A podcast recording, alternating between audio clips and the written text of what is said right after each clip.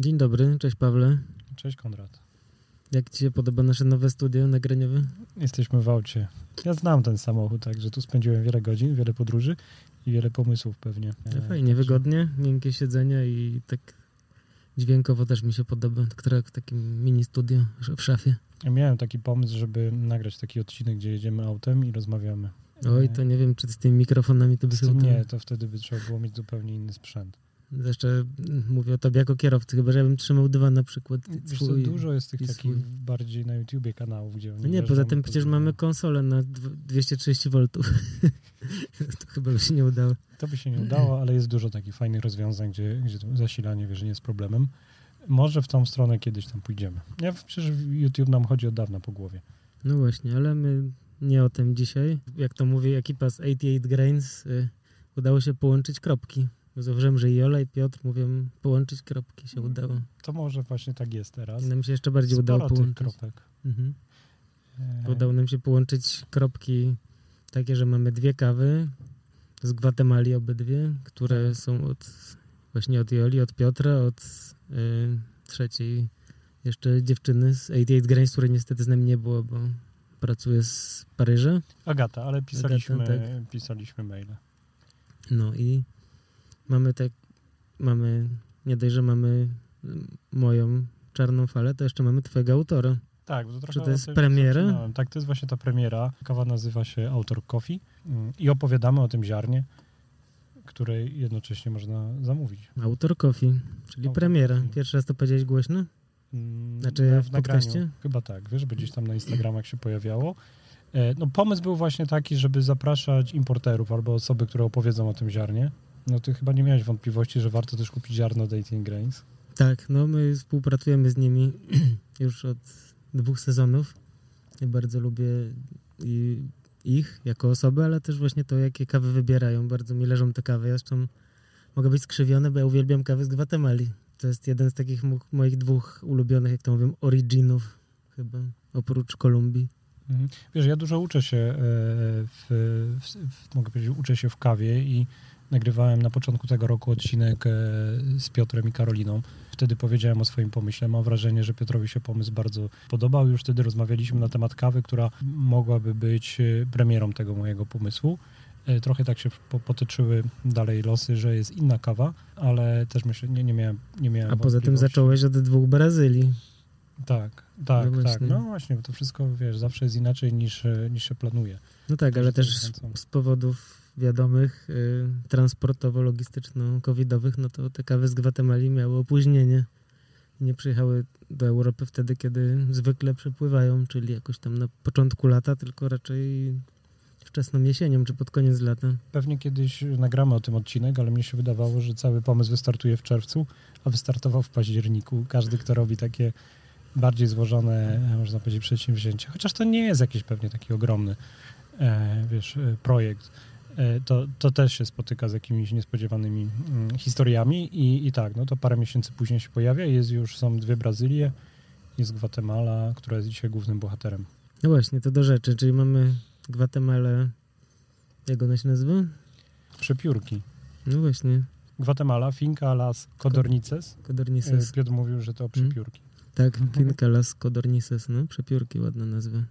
Tak. A nasza też się ładnie nazywa. Nasza się nazywa La Maravilla, czyli La Maravilla. wspaniała. Czy jakkolwiek to można nazwać. Urocza, wspaniała, fajna. Okej, okay, czyli co? Podcast do kawie.pl tak jest. I szukajcie linku, on na pewno będzie bardzo widoczny. Mhm. I to e... będzie o tyle ciekawo, interesująco śmiechawkowe, że będą dwa linki w zasadzie do sklepu Autor Coffee do sklepu Czarnej Fali, więc... Tak, i wybierzecie tam, gdzie Jak wolicie bliżej. literkę A, to wybierzecie autora, a chce, to Czarną Falę. I w obu sklepach będzie ta kawa, ten zestaw kawy, bo to będą dwie kawy. Będzie tak samo wyglądał, jak dostaniecie do, do siebie do domu. Będzie nam bardzo miło, jak słuchając tego podcastu być może pić tą kawę. Można na przykład tak zrobić, że teraz sobie można zatrzymać podcast i wrócić do niego za parę dni. No właśnie, albo na przykład namówicie swoją lokalną kawiarnię speciality, żeby zamówiła trochę tej kawy i podawała ją na barze. Też byłoby fajnie, nie? W ogóle ten odcinek jest taki ciekawy, bo Jola i Piotr opowiadają o Gwatemali, że nawet będzie można do niego wracać. Więc Mhm. może już teraz nie rezygnujmy, tylko wysłuchajcie tego odcinka. A później że ten odcinek to jest jeszcze podzielony na dwa etapy, prawda? No bo jeden, jedno to jest, jedna część to jest rozmowa z, z samym Piotrem, który opowiada o tych dwóch kawach, o, o tych y, producentach, których obydwu odwiedził, czy obydwie rodziny w zasadzie, bo to są Farma, rodziny tak. producentów, właściciele farm, a Mhm. później y, jest rozmowa z, bezpośrednio po rozmowie z Piotrem, jest rozmowa z Piotrem i z Jolą, nagrana troszkę wcześniej i tu dalej ciśniemy W Gwatemalę. kropkach to mieliśmy też szczęście, bo Jola przez kilka tygodni była w Polsce. No właśnie, pierwszy raz od ilu lat? Od czterech? Być może. Chyba Chyba mówi to w że odcinku. czterech. E, A Piotr miał w ogóle urodziny, kiedy nagrywaliśmy. No, także nie, się to fajne działo. było, bardzo fajne. Piotr był za, zadow- zadowolony chyba ze swoich 30 urodzin. Jola była zadowolona, że może brać ciepłe prysznice. I naprawdę fajnie Wszystko się pogadaliśmy. dowiecie. 30 lat skończył Piotr? Tak. Jeszcze raz wszystkiego najlepszego. Może słucha, jak wysłuchacie, to tam możecie mu wysłać życzenia, takie spóźnione, ale niedawno nagrywany odcinek. No, 100 lat. To co, zaczynamy. Zaczynamy. Piotr, ja tobie mówiłem chyba w lutym, jak się rozmawialiśmy i nagrywaliśmy odcinek, że mam taki pomysł, żeby uruchomić markę kawy z podcastem. Minęło parę miesięcy, jest październik, rozmawialiśmy na początku tego roku i jest. Nie? Kawa nazywa się Autor Coffee. Mm, Jest to kawa, którą mówiłeś, że warto, żeby się pojawiła Czy to jako ja tak taka... Dzięki, dokładnie jest. tak. E, I jest też y, druga kawa, którą wam zaproponujemy. E, Konrad, jaką kawę wybrałeś do tego zestawu Z Gwatemali. z Gwatemali? Bo to taki jest pomysł, żeby też połączyć z wizytą Piotra. No i Joli, do którego do odcinka zaraz was zaprosimy. Jak się mówi? La Maravilla? E, La Marav- Maravilla, La Maravilla. La Maravilla. Finca La Maravilla. czyli Cud. farmacud, I Farmacud. Finca Las Codornices. codornices. Codornices, Mhm. Mówiłeś też, że co oznacza? E, Przepiórki. Myślałem, że korniszony. Szkoda. No, przepiórki. No, tam łażą sobie czasem. One są obydwie w rejonie, w regionie Huehuetenango, ale La, La Maravilla jest w tym takim pra, prawilnym, takim najbardziej znanym obszarze w Huehuetenango, tam gdzie się uprawia kawę. Jest tam wilgotno i bardzo wysoko. Mm. A Las Codornices to jest w ogóle, to jest dobra rozkmina, bo Na zadupie. to, i to i to jest zadupie. Nawet La Maravilla na większy, na, na, na La Maravilla nie ma zasięgu i prądu. Tam nawet przepiórki yy, Zawracają. wracają. Chciałem powiedzieć coś innego, ale to może lepiej powiedzieć ty niż ja. Chciałem powiedzieć, że szczekają dziobami, A, albo, dobra, nie, tyłem dziobów. No dobra. no, też miałem głupi pomysł. E, a Las Codornices jest w, w zupełnie drugą stronę. Jak mamy, e, mamy miasto Huehuetenango, Mhm. to ten najpopularniejszy obszar, ch- mm, gdzie się uprawia kawę, to jest jakby na północny wschód, w stronę Meksyku. Się jedzie tam mm, no, godzina i plus dalej jeszcze w stronę Meksyku i to jest tam. A y, Las Codornices jest w zupełnie drugą stronę, czyli na południe, taki południowy, mm, a ja powiedziałem północny Wschód. północny zachód, przepraszam. Mhm. A Las Codornices jest na południowy wschód. Mhm. E, I to jest w ogóle, w ogóle rejon, gdzie jest bardzo sucho. To wygląda ma, czasami jak jakiś w ogóle step. I nikt nie uprawia tam kawy. Oprócz, oprócz znaczy okej, nie chcę, bo może ktoś tam by się znalazł, ale nie słyszałem o, o kimś w pobliżu, kto, kto by No to skąd oni biorą wodę, że się porwali na tą A, kawę? no właśnie, oni mają, oni mają w ogóle dwie farmy tam, które leżą blisko siebie. Las Codornices y, to jest taka powiedzmy ich y, takie główna siedziba, bo oni tam też mają swój dom. Mhm. Mm, A jeszcze w, w, tam powiedzmy 20 minut samochodem y, drogi jest y, Finca El Oregano y, i to jest ich druga farma w, tym- w tym rejonie. Na El Oregano oni wybudowali taki system irygacyjny, który zasysa wodę z rzeki, która przepływa w dolinie. Mhm. Ta woda z rzeki jest pobierana i każdy rządek pojedynczy na El Oregano jest wyposażony w, w instalację, w takie rurki i, i ta kawa jest nawadniana właśnie w ten sposób, wodą z rzeki. Bardzo innowacyjny, ale też super skomplikowany i Ja, czym to jest zasilane? Jakimś dieslem, czy tam jest prąd? E, Prąd, tam jest prąd. Mhm. Tam jest prąd. E, A na Las Codornices też każdy rządek jest wyposażony w taką rurkę, ale tam mają takie zbiorniki retencyjne. E, Zbierają deszcz, deszcz po prostu. Jak jest porze- pora deszczowa, to nawet tam, gdzie jest bardzo sucho, trochę tego deszczu spadnie, mają taki duży zbiornik retencyjny i, i z tego zbiornika nawadniają. Ale gdyby nie to, gdyby nie te systemy irygacyjne, to nie byłoby możliwe w ogóle uprawianie kawy tam. Czyli no to jest, ja to bardzo lubię tę historię, bo jest taka zupełnie nietypowa. Diana i Hektor, prawda? Małżeństwo. Diana, Diana i Hektor. No, a oni sobie wymyślili, że tam będą uprawiać kawę i ogarnęli sobie taki system i voila.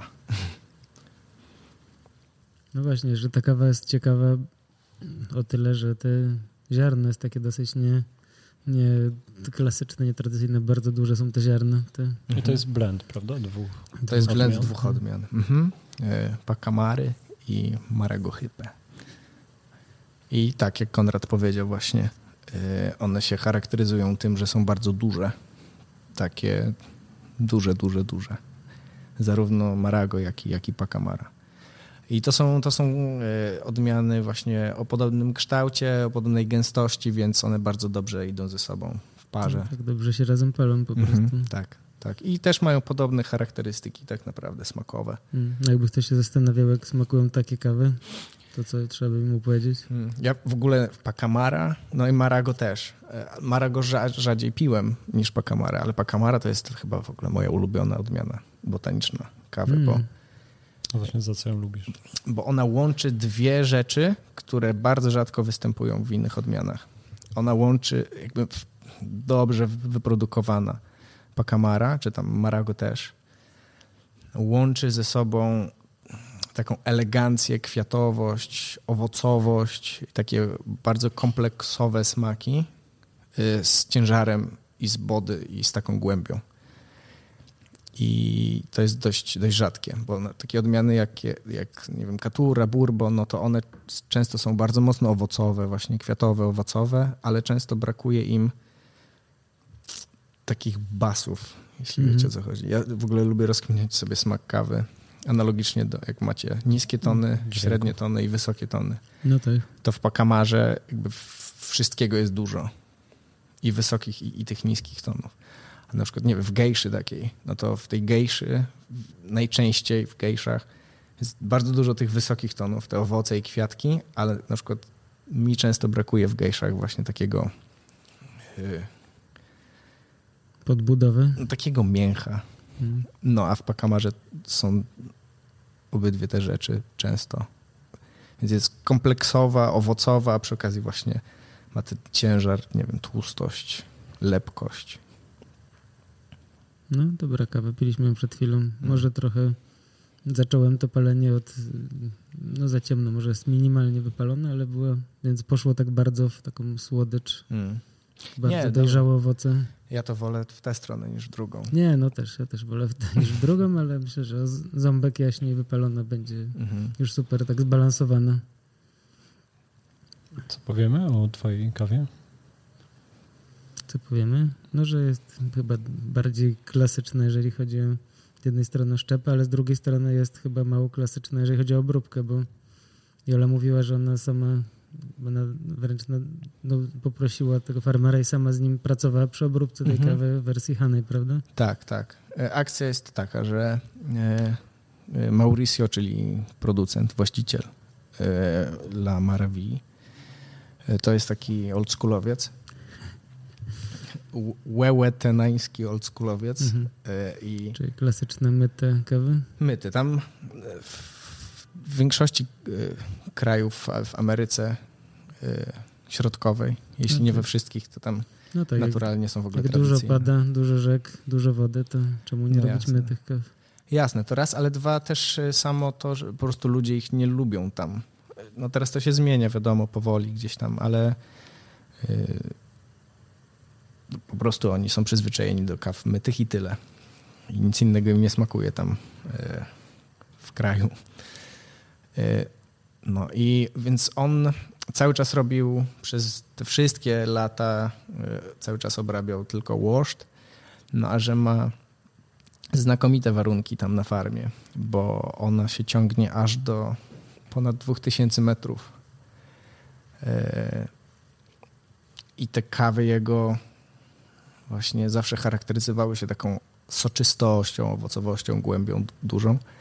To padł pomysł, żeby spróbować też innych obróbek i zobaczyć, jak, jak te katury głównie y, będą się zachowywać właśnie w naturalu i w Hani. I Jola właśnie zrobiła w tym roku takie dwa malutkie loty, właśnie jeden Hani, jeden natural. I one nam wyszły gdzieś tam na ślepo w, y, w cuppingach, tam na miejscu bardzo, bardzo dobrze. Y, I tak naprawdę ten obydwie i natural i Hani skapowały trochę wyżej niż, niż te myte niż te myte kawki. Hmm. Dlatego to są takie małe loty, co? No bo tego, ja mówię, że jest 180 kg tego Haneya. Tak, to dosłownie jakieś tam kilka woreczków. No, tak, my kupiliśmy dwa takie małe worki po 45 kg. Mm. Też ciekawa bardzo miara tak. kawy. Pierwszy raz się Ale spotkałem z workiem tej wielkości. Wygodniej się nosi na No to na pewno. No, więc w przyszłym roku mam nadzieję, że no, że co, Mauricio więcej. spróbował tych kaw i powiedział, że spoko? Tak, tak, tak. Bardzo tak? mu smakowały. Postanowił zostać newschoolowcem? Pod, po, podjarał się. Nie, myślę, że wiesz, jednak to jest stara gwatemalska szkoła. Chodzi, on chodzi w sombrero i w koszuli z takim rzemykiem pod szyją? W sombrero go akurat nigdy nie widziałem. Mm, akurat Mauricio nie. Taki dość... On nie, nie emanuje za bardzo jakoś specjalnie. Nie, chyba nie ma, nie ma potrzeby, żeby żeby się wyróżniać e, w tłumie. Więc, więc sombrero i koszula tam z rzemykami to, to raczej Nie. może tam za zachodnią granicą Huehuetenango. E, na Las Codornices byłem, na El Oregano byłem, na mhm. La Marvi byłem obok. Byłem dwa razy, dwa lata z rzędu u Mauricio w domu, mhm. ale za pierwszym razem nie dotarłem na La Maraville, bo... Bo wyciągnął nalewkę? Nie, bo jego żona zrobiła... Yy, bo jego żona zrobiła Przepiórki. takosy. Mhm. Takie pyszne. I odchorowywałem je dzień później, bo były z surowym pomidorem. Mm. Jeszcze byłeś nie, tamto... nie byłeś jeszcze ten taki na tamte bakterie no, zupełnie, zahartowany? Zupełnie nie, ale nawet, nie wiem, Jola, która już tam mieszka 4 lata, też unika warzyw surowych. Niektórzy w ogóle, mieszkańcy tam też nie jedzą. Mm. Wegańskie, wegański raj, haha. No, dramat. Teraz y, moja znajoma leci do Gwatemali, która jest weganką, taką stuprocentową, nie robiącą wyjątków. No to co, nie, trochę mi te, przykro, nie trochę... można tego sparzyć wrzątkiem, takie pomidorki? Czy to w środku siedzą jakieś... No nie wiem, ale to teraz każdy plasterek będziesz parzył wrzątkiem. No nie no, całego dziada. No nie wiem, ale tam też nie ma zbyt dużo opcji oprócz takich warzyw no, dla wegan. Są te placki kukurydziane, ale to jest tak niedobre. No tak, chili sin carne. No, da się zjeść gdzieś? Chili sin carne, czy to jest europejski wynalazek? Nie słyszałem, żeby... Tam w... ale w Gwatemali tam nie robią tego. To bardziej takie meksykańskie jest, no nie? tak, na pewno. No to tam. Teraz jest taki powoli influence Meksyku. Tam w tej Gwatemali zaczynają jakieś tam takosy robić, ale to od niedawna w sumie. Tam nie, nie ma za bardzo rozbudowanej kuchni. No. E, no więc nie byłem na tej Lamaravii za pierwszym razem, bo siedziałem na kiblu, a za drugim razem mieliśmy jechać i akurat to były, to miałby, to był nasz ostatni dzień w Huehuetenango, bo tam mhm. jedzie z 6 godzin. To był ostatni dzień i było jakieś, e, nadeszły jakieś ulewne deszcze tam w, w rejonie właśnie tej farmy. A to jest e, tak wysoko i te drogi tam są tak kiepskie, że jak padnie, spadnie więcej deszczu, to zapomnij w ogóle, że tam do, dojedziesz. Jak nie masz pojazdu na gąsienicę? No, no, więc y, dwa razy byłem u nich w domu i jakoś pechowo jeszcze, na, akurat na Lama, byłem tuż obok w ogóle Lamarawi, takiego innego producenta, do, no, w tym samym obszarze, dosłownie tam, nie wiem, z 10 minut, 15 może samochodem dalej ale tam cały czas czekam, aż łaskawy los mi pozwoli zawitać.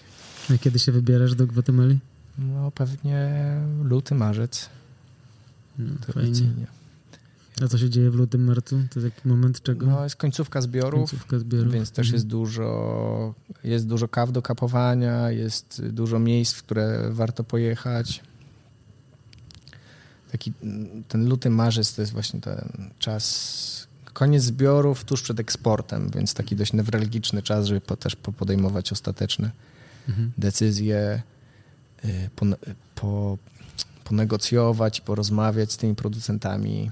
Mm, Mm, A co się dzieje teraz w Gwatemali na farmach? Teraz To jest taki moment, że co, mamy końcówkę października, to w niższych, w niższych partiach to już trwa zbiór, nawet powiedziałbym w najlepsze, mhm. na tych niższych, y, mniejszych wysokościach, y, na tych średnich, nazwijmy to, wysokościach, gdzieś tam to powoli się zaczyna zbiór. no to ile te zbiory trwają? Potrafią trwać parę tygodni? Ale pytasz o cały w ogóle kraj? Nie, nie, no powiedzmy na danej, na danej fince, na danej plantacji jest tak, że tych przejść jest pewnie kilka robionych, prawda? Tak, tak. Kurde, to też zależy. E, e, ojej, to zależy od, od mnóstwa czynników. No ale powiedzmy, no spokojnie te trzy miesiące, cztery czasem. Miesiące zbierasz, no bo rzadko jest tak, że masz farmę, Z konkretnych lotów się wtedy zbiera, czy to też prze, robi się parę przejść przez dany lot, daną, daną część plantacji, prawda? Parę przejść, no bo to, ni- to nigdy nie Nigdy będzie nie tak, że... na raz. No, tak jak, nie wiem, no nawet, wiesz, z czereśniami tutaj. Mhm. Masz takie, wiesz, purpurowe, krwiste i obok są gdzieś tam jeszcze zielonkawe, nie? Tak samo. Mhm. to wygląda tam. No, rzadko, rzadko się zdarza, nie wiem, nigdy się nie spotkałem tam z tym, żeby farma leżała, wiesz, cały czas na tej samej wysokości, tylko zazwyczaj to jest gdzieś tam jakiś y, ten gradient wysokości. No tak, że pewnie jest 200 na przykład metrów różnicy na 200, wysokości. nie? 300, no, Mm. więc y, na samym dole kawa szybciej owocuje, więc zbiór się za, zaczyna od niższych partii i idzie sobie do góry. No to. A często na samej górze też y, są sadzone właśnie jakieś takie bardzo dobre odmiany, jakieś gejsze, jakieś właśnie dobre katury, bourbony, więc to na sam koniec się zostawia te najlepsze. Też jest y, właśnie powiedzmy, masz te powiedzmy trzy przejścia, no to ten pierwszy i trzeci najczęściej odbiegają jakościowo od tego drugiego. Że najczęściej ten, ten middle, ten second pick taki jest Mhm. najbardziej second flash. Second, second flash, no. Tak jak w przypadku herbat, ten first flash jest taki Mhm. Lepszy super ceniony. Mhm. Mhm. No to tutaj ten Drugi. kawowy first flash to, to Jest dla niecierpliwych, Jest- którzy tak, potrzebują tak, już na wczoraj kawę. no, No tak, też Trochę mam tak. takie wrażenie, że czasami jest takie ciśnienie na tę kawę, że farmerzy, no nie wiem, zwłaszcza w Afryce, to te pierwsze zbiory to często są mniej udane niż kolejne. Że te pierwsze kawy, które przychodzą, mhm, mhm. potrafią być... Czy to też nie jest tak, że te pierwsze, które przychodzą, to są akurat koniecznie z tego, wiesz, fir- first flasha, nie? Mhm. Tam dużo czynników Nie, może no wchodzić tak, w grę. jasne. Mhm. Ale tak, no ten, ten, ten drugi, drugie zbieranko najczęściej właśnie obfituje w najfajniejsze kąski i na sam koniec też się zostawia właśnie no najwyż, najwyższe partie, naj, najciekawsze jakieś kawy często na, na sam koniec są zbierane i procesowane. Super. A te kawy, te kawy i z tej Las Codornices i z Maravii e, są obrabiane na miejscu, czy one gdzieś jadą dalej? E, Są Jadą obrabiane dalej. na miejsce, na miejscu. W sensie w obróbka, w sensie fermentacja i No suszenie. tak, tak. To na miejscu. Mhm. A- już ten dry milling jest robiony To już jest Go- robione. gościnnie. Tak, tak, to już jest. y, No tak, bo to są już takie duże mm, zakłady, nazwijmy to, prawda, na które niewielu jest stać producentów mniejszych. No, to prawda. Więc y, tak, tam się zawozi później tę kawę, jak już jest gotowa do eksportu, właśnie do jednego z tych dry mi- mili. Ja to mam taką zawsze wizję, że ten dry mill to wygląda trochę jak jakiś taki młyn właśnie zbożowy w Polsce, że stoi kolejka ciężarówek Mhm, mhm. i tam są takie specjalne jakieś ten sytuacje, że, Mhm. wiesz, że grupy ludzi później te kawy tam wynoszą z tych ciężarówek z jakiejś takiej pochylni, no w ogóle tak sobie to wyobrażam, jest jakaś taka naprawdę duża maszyneria. Znaczy my, my akurat korzystamy, nie korzystamy w ogóle z tych dużych, yy, bo no tak jak ze wszystkim, to tam jest mniejszy fokus na, na, Na jakość. na każdy, tak, Mhm. na jakość, na te każdy, każdy pojedynczy lot, więc tam wybieramy takich mniejszych tych partnerów do, do procesowania tego. I jeszcze właśnie jakieś, jakieś tam kontakty sobie Jola powyrabiała tak, że najczęściej ona jest tam właśnie na miejscu. Puszczają ją, wiesz, tak, że może skontrolować, coś tam pomóc też Mhm. I upewnić się, że I to jest też wiesz, moment, że trzeba już przyjechać ze swoimi workami, zadrukowanymi swoje Mhm. napisy i oni już Mhm. pakują wtedy worki, które dostarczysz. Tak jest. jest. Fajnie. No dobrze, będziemy pili te kawy, co Paweł? Planujemy taki wspólny cupping, szukamy, zastanawiamy się w jakim miejscu, także pewnie jak już jest odcinek, to możecie tam poszukać, może właśnie teraz. Siorp, siorp. Przyszła. Ciekawe jak Wróżka z Gwatemali. La brucha. La brucha, wiedźma. Okej. Konrad, witaj. Dzień dobry. E, Dobra. Kon- Konrad Konstantynowicz, ekspert w branży kawy, ale coraz bardziej rozpoznawalny jako kolekcjoner zachwycających sweterków. Dziękuję bardzo. Nie, mam małą kolekcję. Niestety, ale może urośnie. Ale imponująco. I Jola, rozmawialiśmy o tym wczoraj, prawda, Tak. na targach. Tak, jestem pod wrażeniem swetrów. Także już prosiłam o marki swetrów i o challenge na przyszłość. Musimy stanąć obok siebie. Ubraniowy challenge. Ale ci będziemy rozmawiać y, nie o modzie, w której się czuję słabo, tylko... Znaczy w temacie mody, tylko będziemy rozmawiać o kawie. Okej. A ty jesteś... Mamy mówić, że jesteś Jola, czy... Jestem Jola, znaczy, tak Czyli mam Jo- na imię. Jolanda. No właśnie, Jolanda. Jo, nie, Jola, Jola.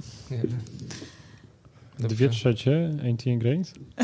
Jeszcze nie przedstawiliśmy Piotra, który jest z nami. Może Nie, e, bo nie powiedzieliśmy też, że Jola to jest Jola Czermińska a i Piotr Jerzewski, czyli Tak, dwie trzecie 88 Grains chyba faktycznie, tak? Ty, tak. Tak Jedna trzecia jest w Paryżu. Jedna trzecia z I Paryżu Agata i istnieje, istnieje. rozmawialiśmy o tym. Agata Pudełek, tak, jest w Paryżu i wystawia faktury tam dzielnie, walcząc. I walczy, walczy z logistyką i całą administracją i całym, tak na, całą tak naprawdę grubą robotę odwala. Gdyby, gdyby nie Agata, to takie dwie duszyczki e, frywolne by nie miały Zagubione. prawa bytu. Tak, także Taka Agata ma okulary i dobrze obsługuje Excela? Y, dobrze obsługuje po prostu um, Życie. życie, tak, bym powiedziała, że życie dobrze obsługuje. I, I w sumie trzyma, chyba trzyma wszystko w kupie na ziemi, a my trzymamy dużo rzeczy w chmurach. No. Ale to jest ciekawe, że, że to się tak ro, ro- roznieśliście się po całym świecie. E, Tak, to jest bardzo ciekawe, że spotkaliśmy się w sumie nasza cała trójka z Polski, ale jesteśmy porozrzucani totalnie po świecie. I w sumie jak, jak poznaliśmy się z Piotrkiem, to, to też on nawet w Polsce nie był, tylko był w Kanadzie. Kanadzie. To też bardzo ciekawe, bardzo ciekawe doświadczenie, jak to wszystko się podziało, jak te kropki się połączyły. I, no i tak naprawdę to połączenie z Polską jest takie, e, jak to się mówi, universal. Universe. No dobrze, ale to Polska to nie jest wasz jedyny rynek, prawda? A nie, nie, nie, ale jednak to połączenie z Polską jest takie mocne dość, bym Mhm. powiedziała, takie chyba sentymentalne, dla mnie sentymentalne, przez to, że, um, że się tutaj wychowałam. W sumie już 20 lat nie, nie mieszkam w Polsce, ale e, jednak zawsze powracam do tej Polski i nie spodziewałam się, że aż tak mocno kawa mnie tutaj przy, przyciągnie i, i zawsze jak wracam a, do Europy, to zawsze jakąś bazą taką jest Polska. I rzeczywiście jestem zaskoczona ilością palarni w Polsce, jak się rozwinęła kawa w Polsce i w którym kierunku dąży. I jednak y, widać e, różnicę e, cztery lata temu, jak pierwszy raz poznałam kawę w Polsce, a, a cztery lata później. No tak, też mi się Dzisiaj. wydaje, że 4 lata temu to znałem wszystkie palarnie wszystkich palaczy, a teraz to myślę, że nie znam nawet wszystkich palarni z Warszawy. Nie Mhm. mówiąc już o innych miastach. No podobnie chyba. Ale dostarczacie ziarno raczej na cały świat, a Polska jest jakimś takim znaczącym miejscem, rynkiem? E, to znaczy logistykę na przykład mamy w Polsce, także um, myślę, że też dla palarni polskich to jest bardzo wygodne. A jest bardzo dos bardziej dostępne, bo dużo jest też w Polsce takich bardzo mm, mikro i nano palarni, które potrzebują jeden worek i, i nie jest to problem, że mogą sobie nawet go odebrać e, spod Warszawy. Mamy bardzo miłych e, panów magazynierów tam. Och tak, bardzo miłych. Nigdy tak. nie robią problemów, a wręcz przeciwnie. Taki tak. customer service e, magazynierski. No jest idealny. To, tak, to naprawdę bardzo nie, niespotykane. Ja mam takie przemyślenie z Pawłem, że takie, ta, ta, takie firmy jak wasza to są tak, takimi importerami 2.0, takimi importerami drugiej generacji, powiedziałbym.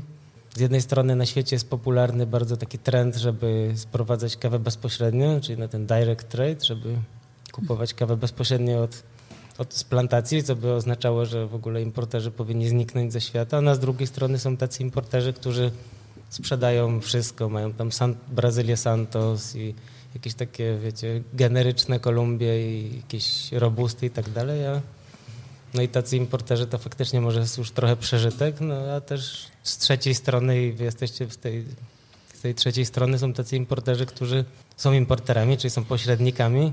Niektórzy by chcieli się pośredników pozbyć, ale z drugiej strony ja widzę tutaj dużą wartość taką, że wy po prostu jesteście na miejscu, znacie tych, znacie tych farmerów, nie tylko się z nimi kontaktujecie, ale też z nimi na stałe współpracujecie, pomagacie im wręcz. Czy to jest w ogóle sensowne, co mówię? Tak jest faktycznie? Tak, znaczy tak staram się, żeby tak było. A jednak właśnie, no tak jak mówisz, no, dla nas bardzo ważny jest ten kontakt bezpośredni z producentem i też unikanie po tamtej stronie pośredników, bo to też e, wiąże się z kosztami oczywiście. E, ja A staram... mogą być pośrednicy pośredników? Mogą. Oj, i to tak, tak. tam stawiasz tę dwójeczkę do kwadratu. Mhm. Tak, no du tak duż, dużo jest takich, także um, ja staram się jak najbardziej pracować niezależnie w Gwatemali, co no jest to ciężka praca, bo, bo też... jeszcze powiedzmy tutaj, mm. bo nie wszyscy mogą wiedzieć, mm -hmm. albo nie słuchali poprzednich e, rozmów z tobą, że ty mieszkasz w Gwatemali tak, na stałe. Tak, mieszkam na stałe. Mhm. Nie mieszkam w mieście, mieszkam na farmie. Także Jak to się też ta farma nazywa? E, El Llano w Acatenango, w regionie Acatenango, także to jest oddalone gdzieś powiedzmy 2,5 godziny od miasta Guatemala. Czyli stolicy. Hmm. Czyli stolicy. Um, no i też bym powiedziała, że mieszkanie na farmie i, i w sumie poznanie tej rzeczywistości, takiego życia codziennego na farmach i w regionach kawowych jest zupełnie innym doświadczeniem niż na przykład jakby mieszkała w mieście.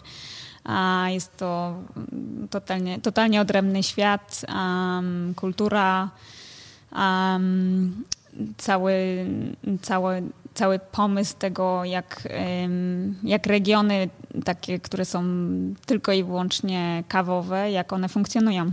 Ale Gwatemala jest chyba małym krajem, prawda? E, tak, ogólnie tak, no, jest zamieszkiwana przez 14 milionów ludzi, także nie ma, a, nie ma tam za dużo ludzi. Jest ma, małym krajem, ale kawa... Zmierzam do tego, że, że choćby zbiory, czy cała taka kultura produkcyjna pewnie jest stosunkowo zbliżona w całym kraju, czy nie? Czy to się między regionami tak różni? Różni się, różni różne się. Różne światy? Tak, różni się przez to, że w Gwatemali jest około 24 grup etnicznych mhm. i każdy region jest zam, zamieszkiwany przez inną grupę tak naprawdę, czy grupy. Um, różne grupy też pracują przy kawie, także to się też mhm. wymienia co roku w zależności kto, kto jest dostępny i kto chce przyjechać na farmę i zbierać kawę. Niektóre te grupy nawet nie mówią po hiszpańsku. Tak, mhm. także mówią w języku mam, czy zupełnie, zupełnie odrębnych, mhm. jakichś innych językach, które nawet nie są nawet e, pisanym językiem. Bo rozumiem, A... że jest tak na farmie, że jest grupa pracowników stałych, na większości farm mhm. pewnie, i są zatrudniani pracownicy sezonowi, tak? I tak, tak. tak. Zazwyczaj, no w zależności jak, jak duża jest farma, to a, mają pewną liczbę pracowników na stałe. A jeżeli jest to jakaś mała farma, taka rodzinna, no to nikogo tak naprawdę nie zatrudniają. Mogą, mogą w sumie ogarnąć tą, tą farmę rodzin, rodzinnie. No i oczywiście zwiększa się to, zmienia się to bardzo, jeżeli y, w momencie, jak się zaczynają zbiory i, i potrzebują ludzi do tego, aby zbierać tą kawę.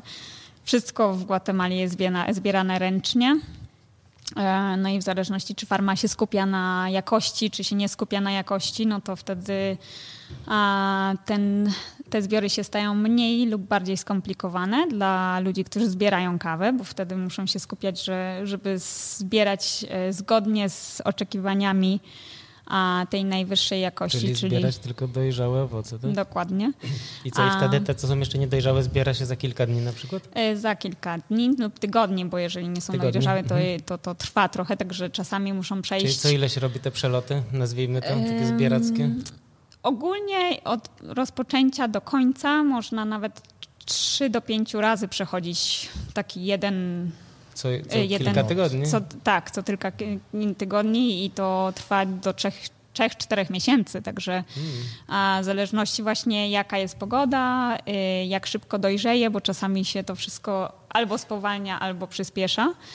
Um, i wtedy w zależności od tego jest też ten koszt jest troszkę inny. Czego koszt? Tych zbiorów. Zbieraczy. Tak, no bo jeżeli nie, nie skupiają się na jakości, no to zbierają co popadnie. Mhm. Także po prostu czekają na taki optymalny moment kawy dojrzałej i zbierają wszystko naraz. Y, no i wtedy... Czyli zbieracze są wynagradzani od tego, ile przyniosą? Tak, mhm. tak. E, A jeżeli, Czasami... muszą, jeżeli zbiory trwają 3 albo 4 miesiące, to oni przyjeżdżają co nie, oni przyjeżdżają. Czy siedzą już wtedy ten e, kwartał? I... Zależy. Y, czasami jest tak, że przyjeżdżają na cały sezon i zostają 4 miesiące czy tam 3 miesiące.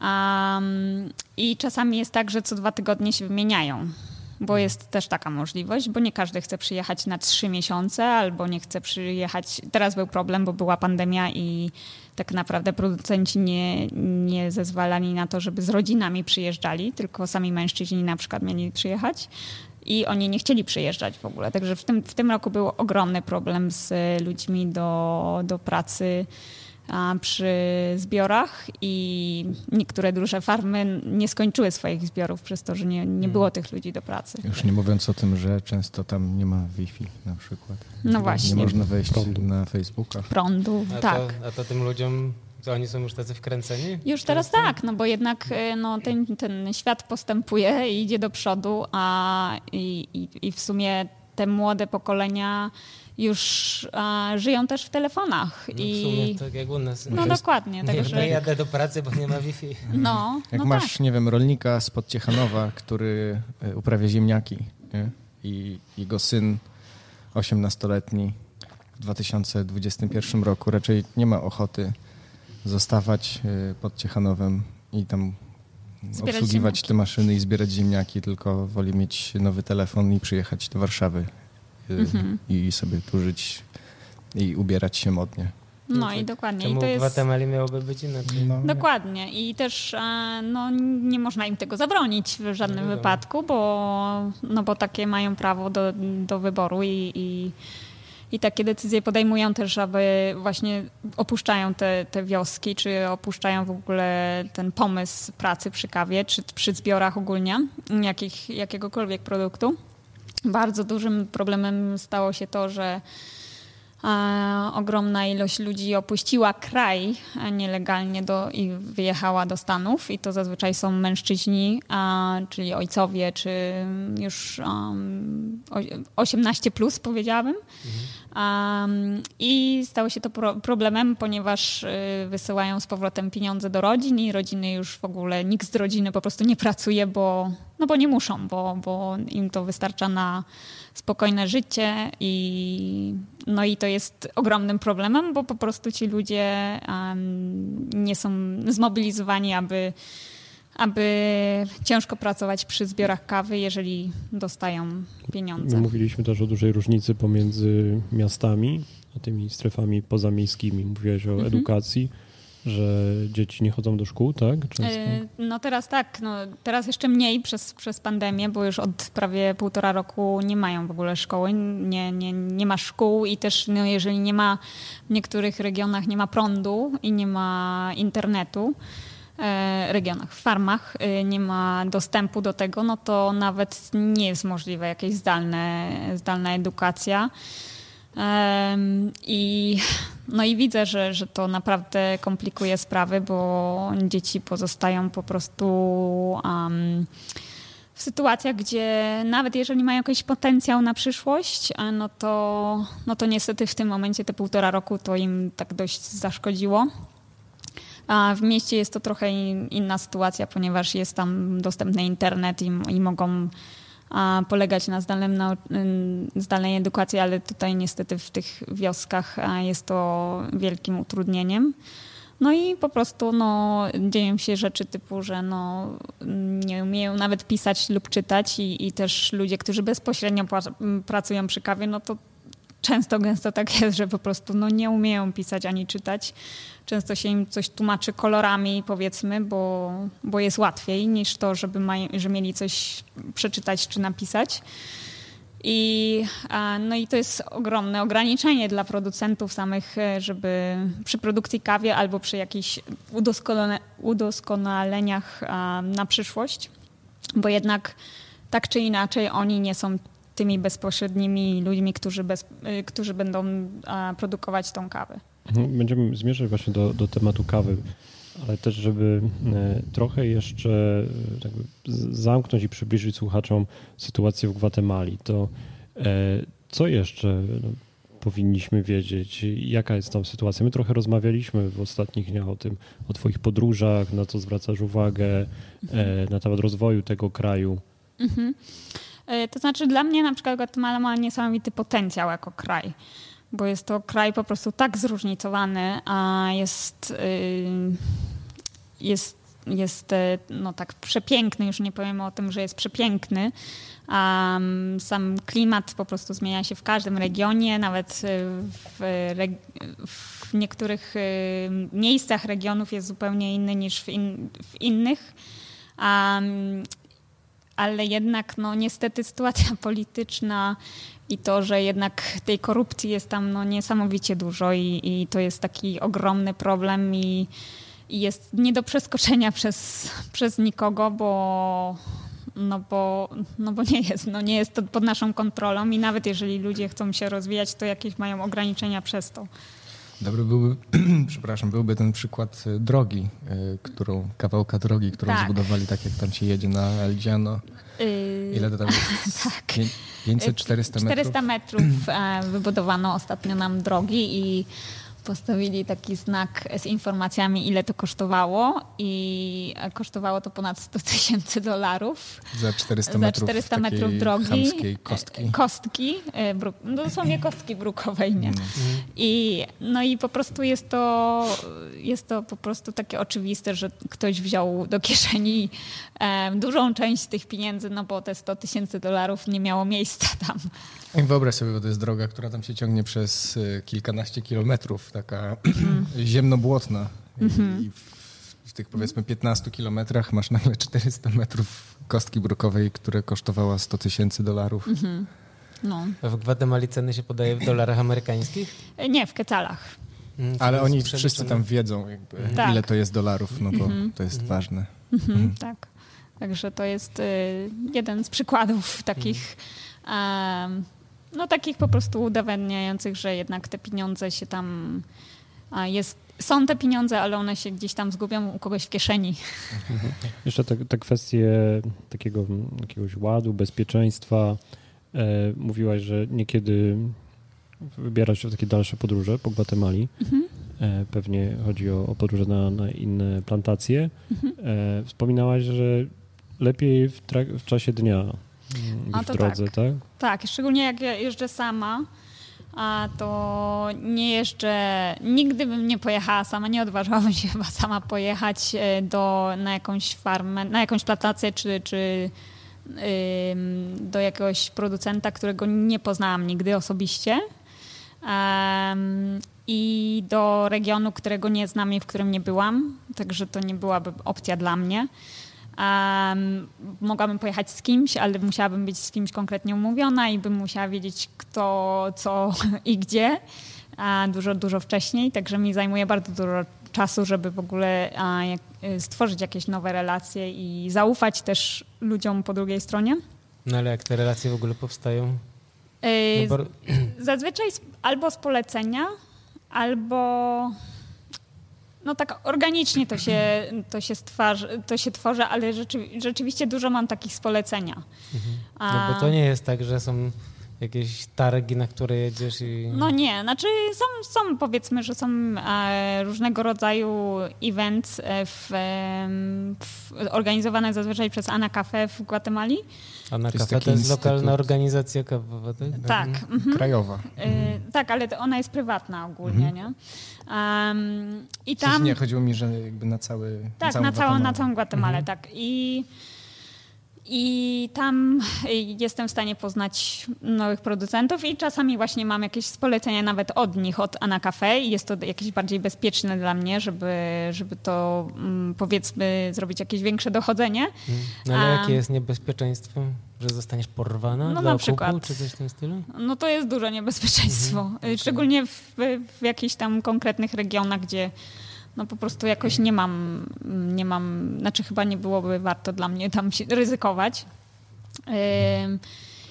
I e, jeżeli... Rozmawialiśmy, mówię, że to się zdarza, prawda? Okupy. Tak, tak, zdarza się. Zdarza się nawet sama znam ludzi, którzy byli w takiej sytuacji, także no, no zdarza się, zdarza się i jest to y, taka rzeczywistość. Teraz w pandemii było nawet, nawet um, dość głośno, że właśnie, że kobiety, żeby uważały, bo było bardzo dużo porwań kobiet. Um, no i rzeczywiście no ja uważam, oni tam są trochę przewrażliwieni na, na punkcie bezpieczeństwa z właśnie z takich, z tego typu powodów, no i się im nie dziwię. I jeśli chodzi o, e, o bezpieczeństwo dla mnie, jeżeli chodzi o moje podróże, no to zawsze staram się umawiać konkretnie z producentami, wiem gdzie jadę i jadę zawsze tylko w ciągu dnia, w, w nocy nigdy nie, się nie wybieram sama nigdzie. No i staram się zawsze, żeby ktoś mi towarzyszył, bo jednak raźniej we dwójkę. Masz wielki terenowy pick-up? Subaru Forester. także, także jest, do, jest solidny. W ogóle wszystkie samochody tam a, przyciemniane szyby. Je, ale wszystkie szyby, przednia, tylne, boczne, każda tak, szyba jest ciemna i to tak ciemna, że nie widzisz nic, co znajduje się w środku. Nic. Nie masz pojęcia, czy jedzie tam jedna osoba, czy cała banda z kałachami. Czułeś się, Piotr, bezpiecznie, bo ty wiosną byłeś e, w Gwatemali, też w Kostaryce. Hmm. Czy czułem się bezpiecznie? Tak, no bo jak zachowujesz te wszystkie środki bezpieczeństwa i też jeździsz z ludźmi, którzy wiedzą, co robią, no to raczej masz taki może lekki stresik tuż przed wyjazdem, e, no ale potem już na miejscu. Nie, nie, nigdy nie miałem mhm. jakichś. E, no właśnie wróćmy na farmę. E, jak wygląda właśnie twój dzień, wasz dzień właśnie, Piotr, jak, jak tam wlądowałeś, zjawiłeś się? Co tam porabialiście, żeby nasi słuchacze, którzy wiesz, w tym całym łańcuchu są na końcu, kiedy sięgają po kubek z tą kawą, mhm. a to co się dzieje dużo wcześniej? Mm, znaczy, jak wysiadam na lotnisku, to już czeka na mnie y, Raul, chłopak Joli, y, który jest producentem. I y, na, na odstrzał od razu mówi mi jakiś tam pocisk. Jakiś żarcik. Jakiś żarcik. Ja mu się tak. odwdzięczam tak. i tak, tak to się zaczyna. A nasz dzień y, wygląda tak, że tam wszyscy strasznie wcześnie wstają, więc y, muszę się zawsze na to przestawić. O której wstajecie? Yy, koło szóstej to już tak wszyscy są na nogach. No, no bo, bo to tam jest takie się wstawanie farmerskie po prostu. No tak, tak, tam też szybko się robi ciemno. Tak, bardzo szybko i się to nie zmienia w ciągu roku. Właśnie tutaj jest fajnie, no mm. bo mhm. jednak zapomniałam o tym, że tutaj się, się dłużej... Ym, znaczy, e, później się robi ciemno, a w No, a z kolei w zimie się robi wcześniej ciemno. Bardzo No, A tam właśnie tak nie kraj jest. równik, równika, Tak. tym Który już oczywiście... jest taki? No tak o, o, Po po szóstej szóstej, zaczyna to już, już, już jest ciemno. Przez cały rok. No szósta, między szóstą a siódmą tak naprawdę. No i teraz weź pod uwagę, że na wielu farmach, na przykład na La Soledad, czyli jednej z, z farm Raula, y, nie ma prądu. Jest tylko generator, który jest uruchamiany tam codziennie, chyba między szóstą, Szóstą a dziewiątą. Tak. Mhm. Więc po dziewiątej ten generator już przestaje pracować i tam jest ciemno, także nie widzisz nic oprócz tam gwiazd ewentualnie. Więc są takie naturalne warunki, no to wszyscy Żeby idą pójść spać. spać. A jak idziesz spać o 21, no to nawet jak wstajesz o 6, to już masz wrażenie, że spać za długo. Mhm. No dokładnie. Także ogólnie zaczyna się bardzo wcześnie dzień i kończy się też dość wcześnie. No właśnie, i wracając, co, co, co porabiacie już w takim dniu, że przyjmijmy, że tam trochę wypoczęliście, po, po, porozmawialiście. Tylko, E, ty jak pyta- wygląda ty to życie? o taki dzień, jak przyjeżdża Piotr e, na zwiady. No myślę, i- że on czy- nie, nie różnił się od tego, jak, jak na co dzień A nie, to Jola się różnił. pracujesz. Mm, Nie, no różnił się, bo y, to zależy w jakim okresie przyjeżdżasz. No akurat Piotrek, ty przyjechałeś y, w czasie zbiorów. Pod koniec zbioru. Pod koniec, no to już też jest mm, tak, nie aż tak stresująco. Pod jak koniec zbiorów, czyli? No to był marzec. Czyli zbiory trwały od początku, od przełomu roku do... Naj- Nie, nie, zbiory- Najwcześniej zaczynają się, no jakoś nawet zaraz w tych niższych partiach się zacznie, nie? W Znaczy w niższych partiach, zupełnie w innych regionach, to tak, to nawet już teraz się zaczęły. Ale jeżeli chodzi o, o tam, o region powiedzmy Akatenango, to tam naj, się zaczynają pod koniec listopada Mhm. zbiory, w zależności powiedzmy jaka była pogoda i jak, jak przyspieszyła a, dojrzewanie owoców, a kończy się właśnie przełom lutego i marca. Ale to się różni, odpowiadając na twoje pytanie, no bo też widzimy się dosyć rzadko na żywo. E, Albo jak ja jestem tam, albo jak Jola jest tutaj, tak jak teraz. Więc zawsze ten plan działania jest jakiś taki bardziej kompaktowy e, i trzeba pojechać tu i tam. Wszystko jest takie bardziej dynamiczne, jeśli chodzi o nie wiem, lokalizację. Dwa, nie wiem, na przykład y, miesiąc czy półtora miesiąca przed moim przyjazdem ostatnim, y, nie wiem, mm, kapowałem próbki z Etiopii na przykład, które gdzieś tam rozpuszczamy wici i, i patrzymy na jakąś ja- jakość. No Jola nie miała szansy tego zrobić. Więc jeden z pierwszych dni w Gwatemali rano y, kapowaliśmy Etiopię akurat. Tak, aha, tak, że, także to w ogóle powiedzmy niezwiązane z tym, co się dzieje konkretnie w tym Robiliście okresie. to po to, żebyś sobie po prostu spróbowała kawy z innego regionu, z innego kraju i Z, tak, in, i z się innego tak kraju. Bo... skalibrowała po prostu trochę swoje kubki smakowe na inne Nie, rzeczy? to było bardziej to, że niestety nie jestem w stanie otrzymać próbek zielonych w Gwatemali w ogóle. Także na przykład y, wszystkie kawy, za wszystkie kawy oprócz Gwatemali czy tam regionów, do, znaczy krajów, który, do których ja nie dojeżdżam, to Piotrek jest odpowiedzialny za... Ale sprzedajecie też kawę z Etiopii? Nie, ale może, może, No właśnie, może no, kiedyś. przyszłości. Do tej, Może pory, do tej pory macie kawę z Ameryk, Gwatemali, Tak, z Ameryki. Kostaryki, Boliwii, tak? Brazylia. Brazylia, Mamy taki jeden projekt y, w Brazylii, mhm. Y, Boliwia, Boliwia, Kostaryka, Gwatemala, Kostaryka, Honduras. Honduras. Jeszcze Honduras. Tak. tak. No i w przyszłości może jeszcze jakieś No. I wiadomo, że ja co roku też robię moje, moje całe badania na temat na przykład Salwadoru, co już w sumie tak prawie trzy razy podchodzę do tego Salwadoru i trzy razy coś, coś, coś jeszcze, jeszcze nie jest połączone kropkami. Bo w ogóle ja mam takie przemyślenie, że w dzisiejszych czasach w ogóle nie jest trudno znaleźć dobrą kawę. Gadaliśmy o tym. Tak, Nie ma rozmawialiśmy o tym. najmniejszego z tym problemu. Powiedzmy 10 lat temu może jeszcze, że też nie znałeś trochę ludzi, przyjeżdżasz do takiej Gwatemali czy tam jakiegokolwiek innego kraju i dość trudno było znaleźć tę wyjątkową kawę, która już by tak kapowała te wysokie punkty i nadawała się, żeby zrobić z tego mikrolot. Wydaje mi się, że teraz nie ma z tym najmniejszego problemu, a prawdziwym wyzwaniem jest znaleźć tych ludzi za tą kawą, z Dokładnie. którymi da się robić dobre rzeczy. Tak, wydaje mi się, że, że każdy, każdy chce sprzedać kawę. I bardzo, bardzo dużo jest tej kawy dostępnej. Ale to, aby znaleźć partnerów, z którymi możemy współpracować na długie lata i czasami nam to wychodzi, czasami nie, bo czasami ja poznaję ludzi, no nie wiem, niektórych poznałam trzy lata temu i do dzisiaj nie, nie współpracujemy, bo po Dlaczego? prostu no, mogą być różne, jakieś czerwone flagi się pojawią. dla mnie, czy może dla nich i, i po prostu nasze energie się jakoś do końca nie są kompatybilne i, i po prostu ja wychodzę z założenia, że lepiej nawet nie wchodzić, jeżeli coś jest, coś nie czuję do końca, że, że to może być dla nas y, wspólnie, bo to nie chodzi tylko o nas, tylko o nich tak samo. A żeby to działało tak jak y, po prostu na tych zasadach, na których my działamy. Mhm. No dobrze, to y, bo tak skaczemy z tematu na temat, wróćmy może do tego dnia na plantacji, no bo tak. mi się wydaje, że to... Dokładnie. Mnie, mnie to strasznie ciekawi, ale też podejrzewam, nie jestem jedyny. Paweł też ciekawi. Mam wrażenie, że jeszcze kilka innych osób to... No jasne. Pomówmy e... o takim dniu na plantacji, no bo rozumiem, że to jest, jak Piotrek przyjeżdża, to oczywiście ten, te dni są inne o tyle, że robicie wtedy pewnie kapingi, odwiedzacie zaprzyjaźnionych plantatorów, farmerów, prawda, więc to tak wygląda, że to jest na pewno takie dni, które są upchane od rana do wieczora jakimiś aktywnościami? Tak. Mhm. Ale akurat w tym to się raczej dużo nie różni, bo e, jak nie, nie ma, to Jola też e, mhm. tak, to w zależności praktykuje od tego... swój pracoholizm. No okej, okay, no ale dobrze, no masz y, narzeczonego chłopaka, który jest właścicielem niejednej plantacji. Mhm. No ale to co? Wstaje taki farmer i jego narzeczona rano farmer. i co? I co? Narzeczona, I narzeczona wstaje pierwsza, a fa farmer jeszcze się a tam jeszcze się kotłuje. Tam tak? Tak, jeszcze doleży 15 No ale minut. co?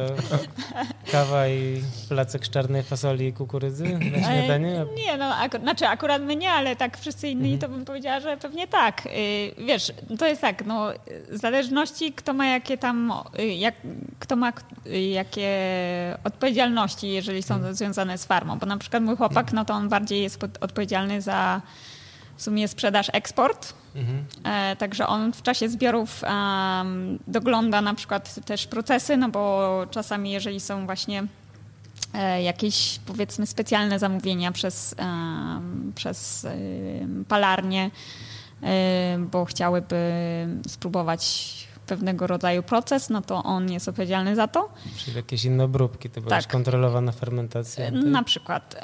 No dobrze, macie jakiegoś technologa, jeszcze? No właśnie czy... takich rzeczy nie ma, nie ma za bardzo, mhm. wiesz, to jest... Znaczy, jeżeli... znaczy, ktoś musi być jednak tym technologiem i rozumiem, że jesteście na spółkę technologami? To znaczy tak, no ja, ja tam, jeżeli chodzi o jego farmy, to ja tam za bardzo nie, nie, nie maczam moich palców, także on jest totalnie tam, on, brat, brat jest odpowiedzialny za, za cały... Brat Raula? Tak, brat Raula, on jest za, za całą produkcję odpowiedzialny. A to jest taka farma rodzinna? Jednym tak, słowem? tak, bo to jest... dziada, pradziada, tak, tak dokładnie. Zwanego? Tak, mhm. ta farma ma ponad 100, 130 lat już, 130 mhm. lat y, i to jest dziada, pradziada, jego jego dziadek w ogóle wybudował drogi w, w całym tym regionie, także oni są taką rodziną poważaną. Wszyscy wiedzą, mhm. kto, kto oni są. To była duża rodzina. Nawet A, nazwa La Soledad przecież jest od prababci. Tak. Tak, od prababci. To mhm. było imię prababci. La Soledad. La Soledad, aha. Samotność? Samotność, tak, ale też imię. ale to, to okay. też imię, Soledad jest imię. No, ja zawsze myślałem, że to dlatego się tak nazywa, że jesteś bardzo oddalona. Jak tam jesteś, to A. jesteś taki samotny. A to od też, imienia ale babci. to od imienia prababci, prababci, tak. Aha. Okay. także no powiedzmy, że jeżeli, jeżeli jest jakiś proces albo chcemy dopatrzyć tych procesów, to zawsze tam pojedziemy na farmę i i w czasie zbiorów skupia się to na procesowaniu kawy i na, na zbiorach. Yy... Procesowaniu, czyli obróbce, tak? Tak, przepraszam. No tak. dobra, czyli yy, jest ekipa tych zbieraczy, tak. rozumiem. Ilu Którzy takich zaczynają... zbieraczy zatrudniacie? Pięciu, pięciuset, pięćdziesięciu? Od 35 do 50, w zależności mhm. jakie są zbiory. Um, no oni tak? zaczynają mhm. dzień na przykład o 6 rano, także oni zaczynają zbierać o 6 rano uh, i w tym mają dwie przerwy. No co, zbierają to do jakichś koszy? Tak? Do, do, do, worków. Do, do worków. worków. Prosto do worków. Prosto okay. do worków. I co, i ta kawa od razu musi jechać do procesowania, czyli do obróbki? Nie, dopiero o trzeciej po południu. No ale nie, tego samego dnia. Tak, tego, se, tego samego dnia. Chyba, że zapomną i przyjadą na przykład dzień później. No nie, a mnie zapominają. mm, o trzeciej po południu dojeżdża do... A na czym? Traktorkiem? Jakąś ciężarówką? Bo to przecież są takie Mhm. ciężkie tereny, prawda? Tak, Górzyste, drogi polne, czy tam takie raczej Tak. błotne. Tak, na La Soledad da się dojechać, bo są wszędzie drogi, także do każdego w sumie, do każdej części farmy da się dojechać, ale na przykład już na El Llano, tam gdzie my mieszkamy, no to niestety wszystko jest, wszystko jest na y, spacerkiem. Nie ma w ogóle dojazdu, bo dojazd się kończy na naszym domu, a farma idzie za naszym domem a, w górę.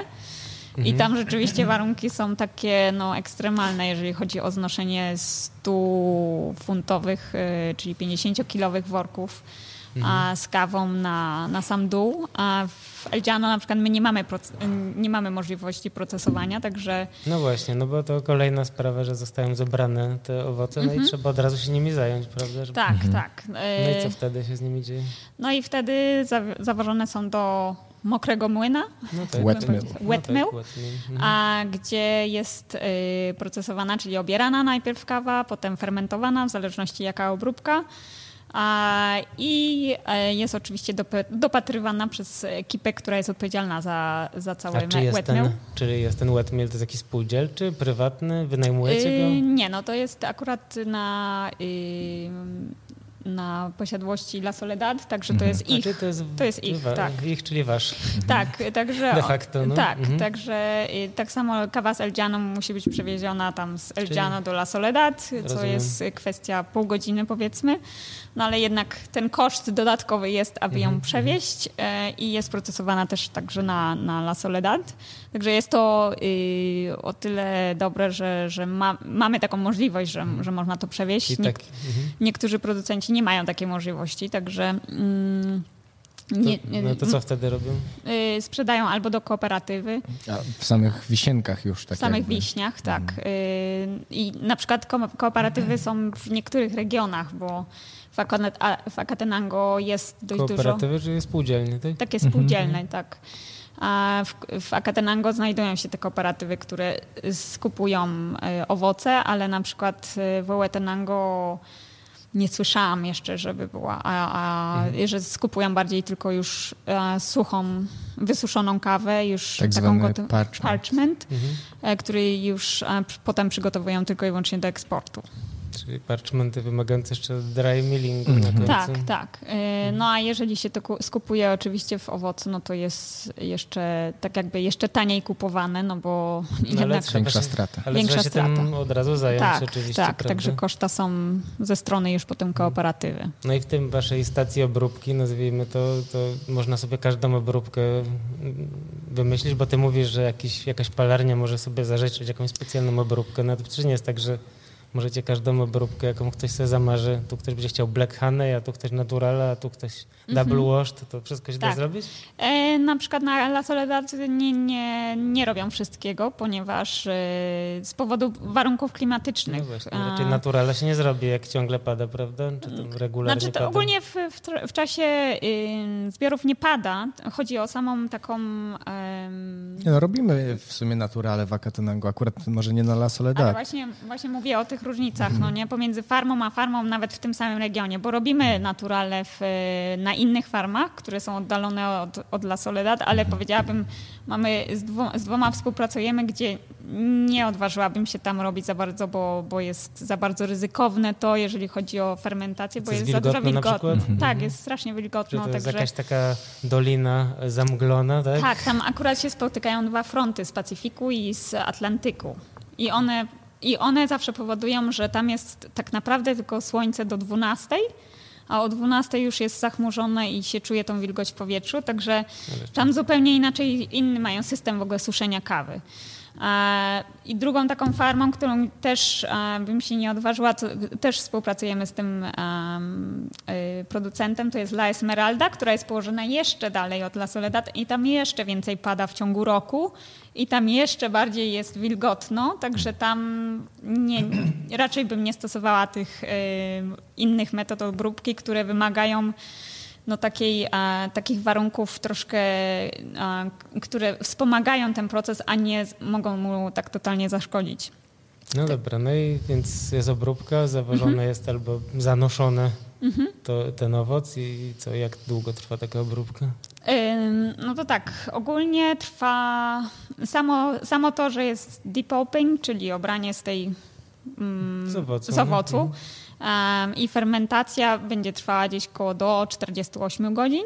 Tak mówię, tak generalnie. Tak, tak, no Taka tradycyjna. Mhm. tradycyjna metoda. Y, jeszcze bardziej tradycyjnie to zazwyczaj mieli 24 godziny, do 24 godzin fermentacja, potem jest mycie i suszenie na, na patio, bo zawsze to było tradycyjnie na patio. Mhm. Teraz Jakie już jest patio betonowe? Czy? y, tak, y, teraz już więcej producentów zaczyna inwestować trochę bardziej w e, raised beds i a, czyli te Guatemalan Beds? Guatemalan beds, African beds, Guatemalan beds, e, które, em, które no są dość, dość drogie, do, to, drogą inwestycją, także nie, nie robią tego na dużą skalę, ale sobie tam wspomagają z roku No, na rozumiem, rok że coś. to jest dobre, bo z- ziarno schnie z, równo z każdej strony, tak? Bo to jest... No właśnie dla, dla słuchaczy, którzy może nie znają terminologii, no to jest, na patio suszy się, no po prostu to leży na betonie, więc cyr, powietrze nie cyrkuluje. Tak. Trzeba regularnie bardzo strony. obracać. Tak. A ten African beds czy raised beds to są po prostu podniesione siatki, gdzie to powietrze od dołu też sobie cyrkuluje. Cyrkuluje, tak. A przy okazji rozumiem, że jak są takie raised beds, to też można jednocześnie w czasie już suszenia na przykład robić selekcję, prawda? Przebierać, podchodzić do tych, czy tak się nie robi? Ym, Bo widziałem zdjęcia z Afryki, że tam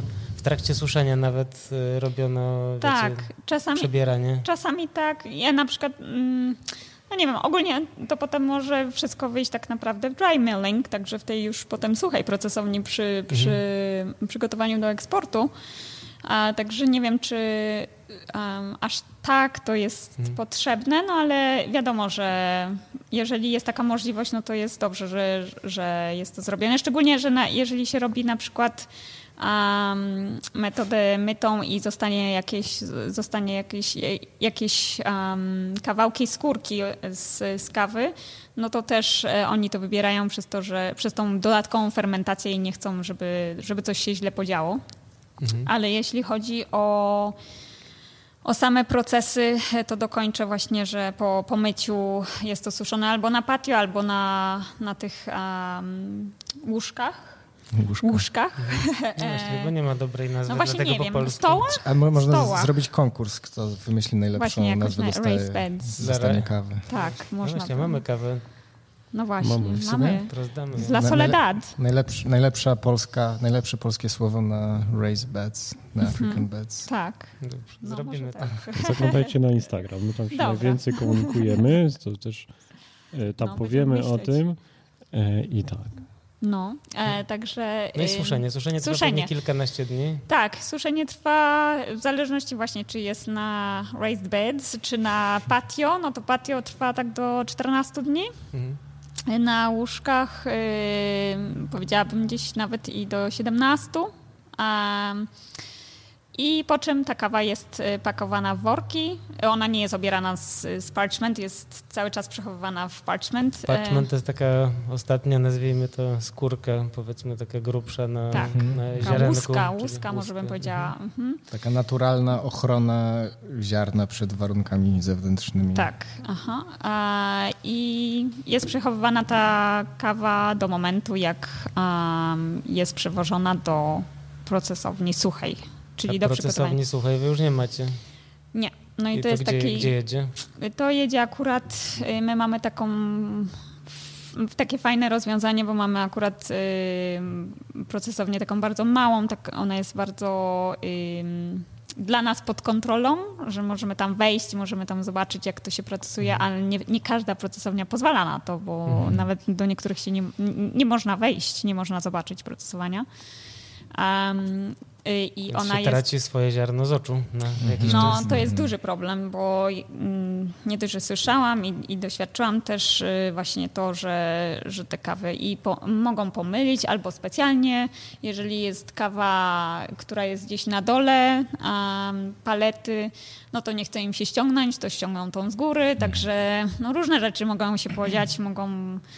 a- Niektórzy specjalnie zamienią, bo lepsza Tak. na przykład kawa jest. no na przykład, nie? jeżeli wiedzą jeżeli wiedzą coś tam o kawie, no to może się tak, tak, tak podziać. mieć oko na Oko, swojej tak. kawie.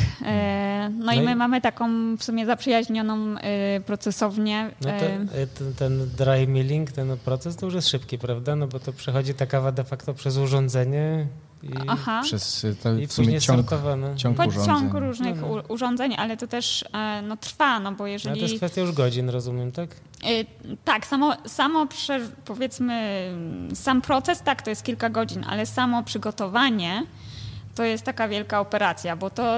mm, Jak to? Co, w jakim znaczeniu przygotowanie? No tak, po pierwsze, no to ta dry mill nam nie udostępnia żadnych toreb, nie mają toreb ani nic takiego, także my musimy zaprojektować torby, zamówić te torby. W tym roku na przykład był straszny mm, problem z torbami, nie wiem dlaczego, ale były, czekaliśmy po dwa tygodnie nawet na same torby. Z jakiego Ale- kraju zamiewacie takie torby? Też z, z, Mhm. z Ale mówimy o workach jutowych, czy Tak. tych plastikowych? Torby razy grain dwa, bo Razy dwa, bo masz i Grain Pro i, I potem Grain Pro i Utah, nie?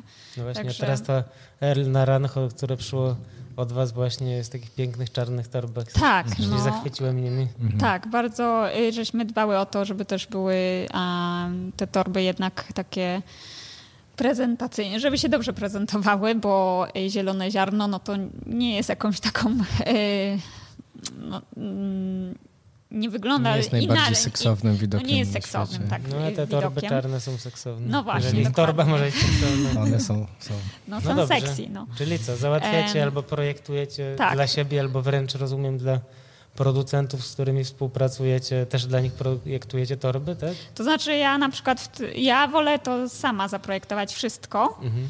A, bo chciałabym właśnie utrzymać pewien tam powiedzmy poziom tego i, i tak samo nie chciałabym, żeby ktoś mi się spóźnił i nie dostarczył na czas, a jednak jeżeli nie dostarczy na czas, no to oni nie mogą zacząć procesować, także zanim nie dostaną tore, toreb, to nie mogą zacząć tego procesowania, Mhm. bo to od razu już No dobra, wpada czyli do, war- do worka. przyjeżdżacie ciężarówką pełną kawy I tore, toreb. Tak, tak, toreb no. kawy i zostawiamy ją w, w procesowni do momentu, jak mamy wszystko gotowe i mogą zacząć procesować.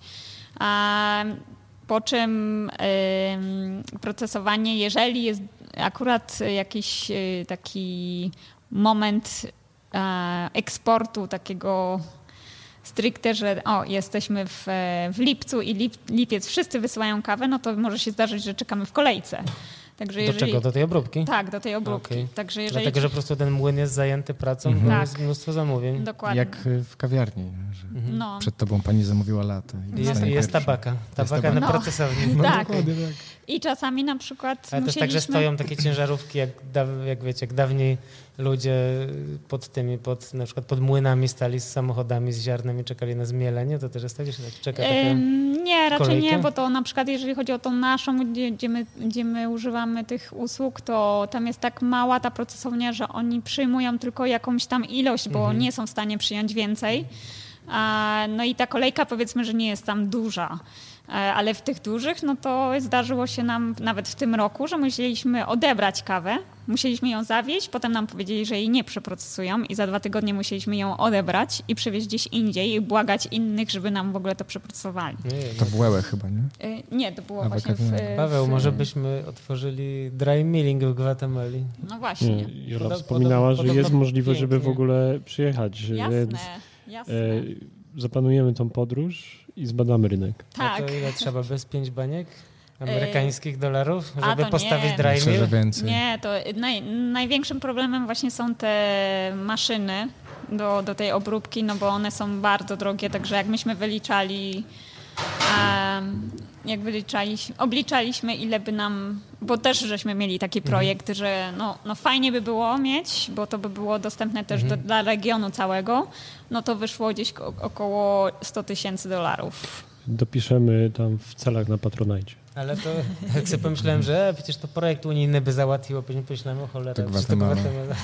No właśnie nie. A Właśnie może nie. jakiś amerykański USAID?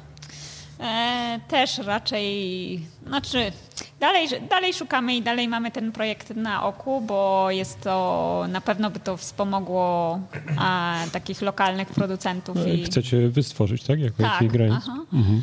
E, I to by była naprawdę fajna sprawa i też e, mogłaby dużo zmienić na przykład w samym już regionie. A no wiadomo, że to wymaga właśnie tych funduszy i, i to jednak jest taka...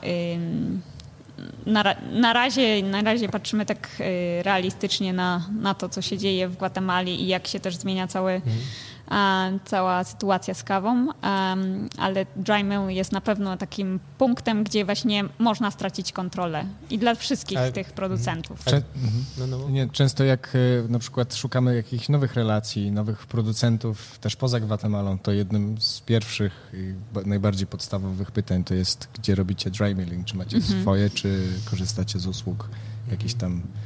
A czy to można party. zrobić źle, oprócz rzeczywiście Jasne, błędów niechcących, jasne. czy zamierzonych błędów ludzkich, to można to też zepsuć, dry Tak, milling? tak, tak, tak. Można bardzo zepsuć dry milling i może... A dlaczego? Bo się źle na przykład przebierze ziarno, screening źle, czyli ta Tak. wielkość do... Wielkość, może być, mogą zostawić defekty przeróżne a, mm, i to, to zawsze się wiąże po prostu z, z błędem człowieka na koniec, no bo oni jednak są przy, przy tych maszynach i do, dogląda, powinni doglądać to wszystko.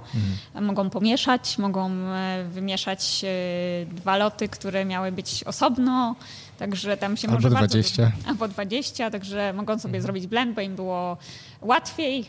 To przerobili wszystko włożyli do innych worków, także to dużo, dużo się może podziać w, w, na tym etapie.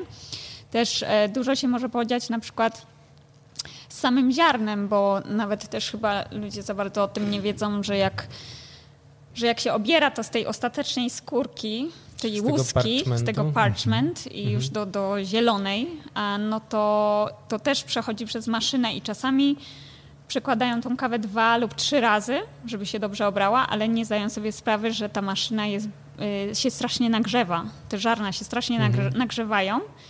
I, A to są takie tarcze, tak? Tak. Kręcące się. I one powodują, że to ziarno się niesamowicie nagrzeje w środku, że Jest czasami wstępnie wypalone się robi. Tak? wypalone, znaczy, że po prostu zabijają w środku a, ten zarodek, który tak naprawdę trzyma tą, trzyma ten, te, y, utrzymuje tą jakość przez długi czas. No w sumie o tym tak trzeba myśleć, że jakby wysuszenie kawy polega na tym, żeby uśpić zarodek. Dokładnie. Jeżeli go zabijesz, to kawa traci cały swój charakter. Jeżeli go nie dosuszysz, to w kawie pojawi ci się pleśń, nie? I No, bo to trzeba doprowadzić do wilgotności typu 10-12%, czy tam 11-12%. Tak. no, więc, więc jeżeli masz kawę, wiesz, która tam jest 10 miesięcy temu po zbiorach i ona dalej jest y, dobra, no to dlatego, że ten zarodek został poprawnie uśpiony. No, Dokładnie, bo jeżeli go uderzysz wysoką temperaturą, no to go po prostu zabijesz. No to ciekawe, bo wczoraj rozmawialiśmy na, y, y, na Mistrzostwach Polski w cup tastingu o, o stołach, o ustawianiu kaw, kaw i właśnie jednym, podobno najtrudniejszym stołem był stół, na którym była kawa z tej samej spółdzielni w Etiopii, to była kawa z Etiopii, tylko że był zbiór z tego roku i z zeszłego roku. 2020, aha. I podobno te kawy były, to był najtrudniejszy zestaw, że ta kawa tak dobrze się zestarzała, nazwijmy to, tak dobrze przeżyła ten rok, że było bardzo trudno. A, akurat jeśli chodzi o Etiopię, taka tylko ciekawostka, że często mam takie doświadczenia, ale też rozmawiam z ludźmi, akurat w kawach z Etiopii, bardzo często świeże kropy, które przylatują, na przykład próbki e, typu offer samples, nawet pre-shipment samples, czyli to są te próbki, które jakby są reprezentatywne dla już kawy załadowanej do kontenera, że często Etiopie akurat e, smakują na początku gorzej, niż e, właśnie Etiopie z poprzedniego roku, bo jeszcze się tam do końca nie schomogenizowały te ziarna i nagle na stole no jakby technicznie past crop smakuje lepiej niż ten świeży krop. W przypadku Etiopii to jest dość notoryczne akurat. A w przypadku Gwatemali, jak się kawy z Gwatemali starzeją? To znaczy teraz już lepiej bym powiedziała, że jednak się tam przykładają do tego i już tak trochę się robi to bardziej, ta, ta edukacja jest, jest trochę tak, no, albo ta wiedza już się tak trochę poszerza, jak suszyć tą kawę, ale jednak to nadal jest, ym, no powiedziałabym, że jeszcze daleko, daleko do tego, żeby to było consistent, czyli takie powtarzalne, No dobra, to poczekaj, to zaraz do tego wrócimy, bo jeszcze nam została już końcówka tej, tak? tej wyprawy y, zia- ziarna, czyli rozumiem, że jest ściąganie tego parchmentu w tym suchym młynie. Mhm. Jeszcze tylko powiem, zapewne macie zdjęcia, będziemy mogli Tak, dołączyć. tak, mamy. Także y, na stronie myślę, że wielu słuchaczy jak zerkną, to Mam będzie nawet łatwiej. dry mill, także można to Mhm. wszystko użyć. No i co, i to już w Mhm. tym dry, dry mill, w tym y, młynie właśnie ta kawa jest już ostatecznie sortowana no Tak. i ładowana do waszych worków, tak? To oni już też robią tą Tak. operację? E, No i potem odbywa się cała logistyka, czyli zamawianie kontenera, e, przygotowywanie wszystkich dokumentów i oczywiście ja przez to, że chcę to robić e, niezależnie, no to nauczyłam się robić tego sama, Mhm. co nie było łatwo i w ogóle to jest ogromny stres przecież tego, że Macie przyjeżdża. jakiegoś agenta eksportowego? e, mamy a- a- agenta mm, Customs Agent, um, czyli- czyli Celnego. Cel- celnego, tak, który nam pomaga z, z dokumentami, jeśli chodzi o faktury itp., o podatki. A trzeba jakieś badania robić? Czy to... E, nie, czy, nie, nie, Ale nie. musisz mieć e, jakby licencję. Tak, musisz mieć licencję eksportera, tak, także nasi producenci, niektórzy nie mają, ale to wtedy ja pożyczam tak jakby od niektórych, którzy mają i możemy wyeksportować na Mhm. ich licencji. No i są na tyle właśnie, mamy taką dobrą kolab- kolaborację, że, może, że oni za to ich nie, nie liczą powiedzmy, nie, nie, nie, nie, nie mają żadnego dodatkowego kosztu. Ale dzięki temu możemy wyeksportować ich kawę, bo, um, bo w innym wypadku musieliby sprzedać ją lokalnie. I, em, i zamawiam, zamawiamy kontener. W tym roku trochę było problemów z kontenerami, jak wszędzie No na tak, świecie. wszędzie. Em, ale dojeżdża kontener. Ja dosłownie stoję, stoję i liczę. Liczę worki wszystkie, naklejam na nie. Ale worki są na paletach, rozumiem, tak? I Tak, na paletach, ale no, skakują do kontenera. tak, y, ale też to jest wszystko robione przez człowieka, no bo są na paletach, podwożą paletę, ale resztę wnoszą do środka do, do kontenera. E, Że worki leżą w kontenerze luzem? Y, tak, aha, Mhm, tak, tak. okej. Nie, nie są jakoś jeszcze pakowane. wy, wykładamy kontener takim Papierem. wielkim. A Grain Pro takie robiliśmy Y, też chyba rok tak, temu. ale teraz już y, robimy papierem. Okej. Także to, że są wszystkie, w, wszystkie są pakowane w Grain Pro już same kawy, no to Ale jeszcze oddzielasz je wszystkie tak jakby od kontenera. Tak. rozumiem. warstwa. Aha, I tak. ile takich worków jest w kontenerze? A zależy jaki kontener, no jeżeli bierzemy 20-stopowy, no to No się ten taki mieści... standardowy, jak na tira Stan- wchodzi, tak? To... To standardowy taki 20-stopowy to 275 worków wchodzi. 69 kg. 69 No tak. kilo, ale y, kontenery 40-stopowe, co też często, często y, bierzemy 40-stopowe, wcale nie więcej, bo 312 worków 69-kilowych, także wcale nie więcej, tylko przez to, że są restrykcje na drogach. To już nie jest restrykcja portowa, ale jest restrykcja, jeżeli chodzi o przewóz na drogach. Hmm. No to jest właśnie ciekawe też. Jeden z miliona ciekawych tematów w kawie, że są kraje, w większości krajów worki mają 60 kg, na przykład w Gwatemali mają 69, a w, w Kolumbii 70. I w ogóle wiecie dlaczego tak W jest? całej Ameryce Środkowej w sumie 69, 69. jest praktykowane. Wiem, że to jest coś tam, jakaś restrykcja jest czegoś, ale nie, nie, nie powiem ci Może, po, dokładnie. może m- powinien taki worek ważyć nie więcej niż 70 kg, wiecie, brutto z opakowaniem, więc zrobili 69 zawartości. Może. Ja kiedyś kombinowałem, że to może chodzi też o jednostki. Albo że, przeliczenie że z było funtów? mhm, coś takiego może jakoś. Albo dochodzi o to, że, że y, w prawie chyba mają, jeżeli chodzi o ładowanie tego przez samego człowieka, że te 69 kilo to chyba jest taka ostatnia granica, bo 70... można to- wziąć na tak, grzbiet. Aha, Mhm, może. no może tak, no nie wiem. Ciężko mi sobie Może- wyobrazić podniesienie na grzbiet 69-kilowego worka. No, Musisz jest to. pojechać i zobaczyć. No musisz ja, pojechać. Jak tutaj po pelarni przeciągam worki po ziemi i Mhm. albo gdzieś tak lekko je staram się podrzucić, no to czuję wielką różnicę między Mhm. workiem 60-kilowym a 69-kilowym. Mam to samo, nie? mam to samo. Jest Tak, to jest ogromna niby tylko różnica. 9 kilo. Masz wrażenie, że jest dwa razy Tak. cięższy. No. Tak, to jest, to jest prawda. A, także potem y, ładujemy kontener, za, zamykamy, zaklejamy cały kontener. Ma, Upewniamy się, czy w środku nikt nie został. Tak, to też się upewniamy. I e, wszystko jest oczywiście sfotografowane. E, jedzie do, do portu z ochroną.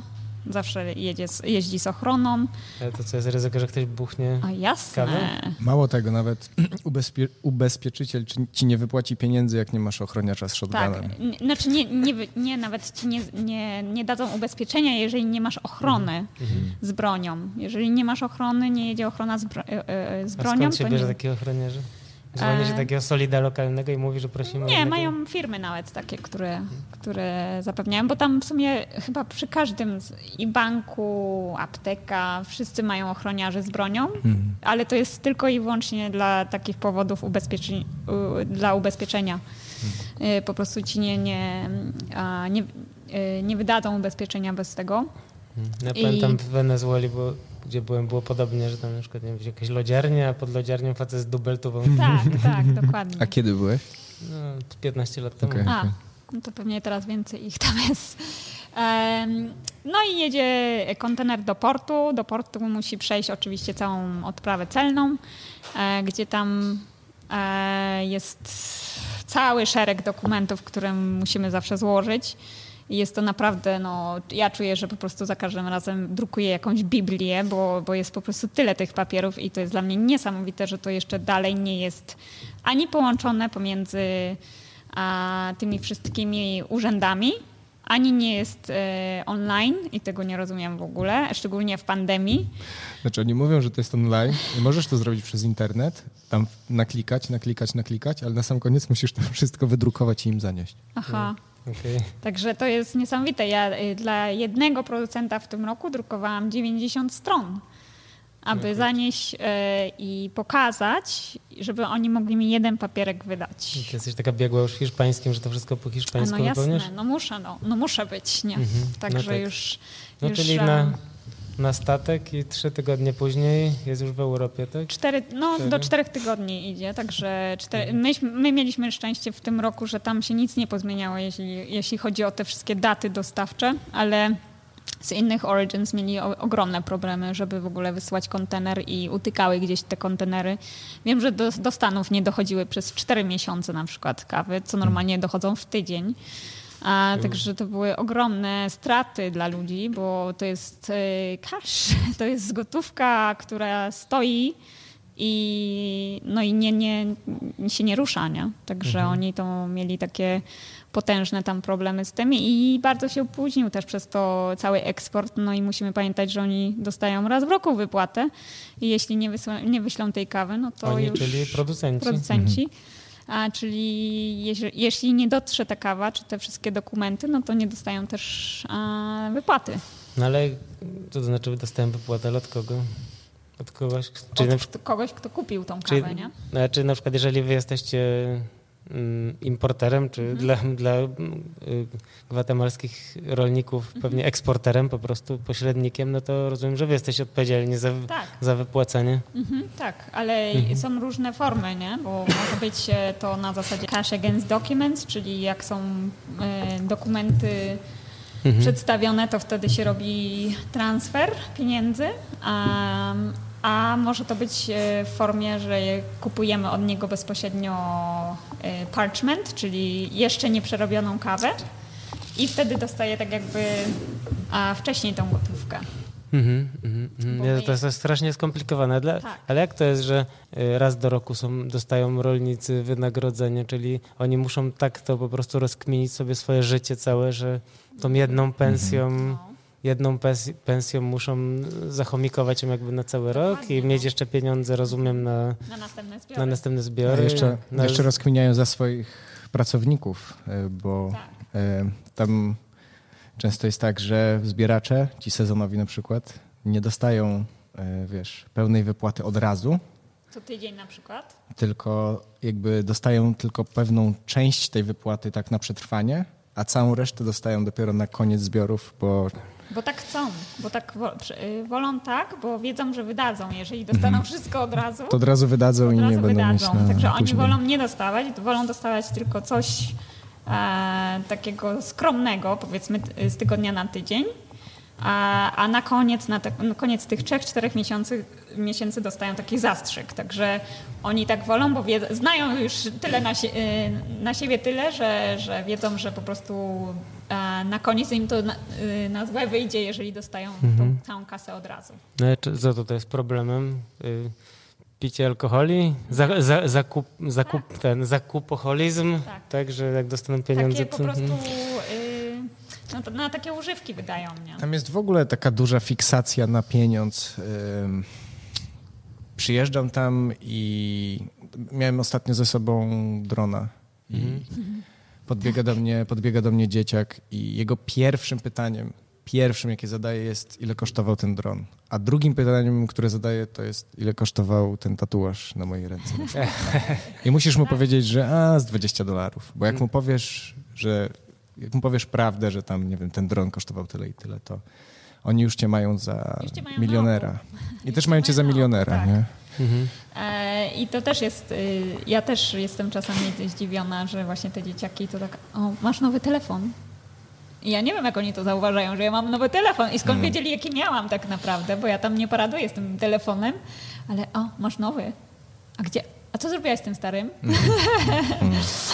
e, także oni są tacy, o, już od małego są, mają na oku taki, no, ta, no mają taki smek do, do cen. O, jest dobra historia, którą opowiadała Jancy o sprzątaniu drogi. Tak, tak.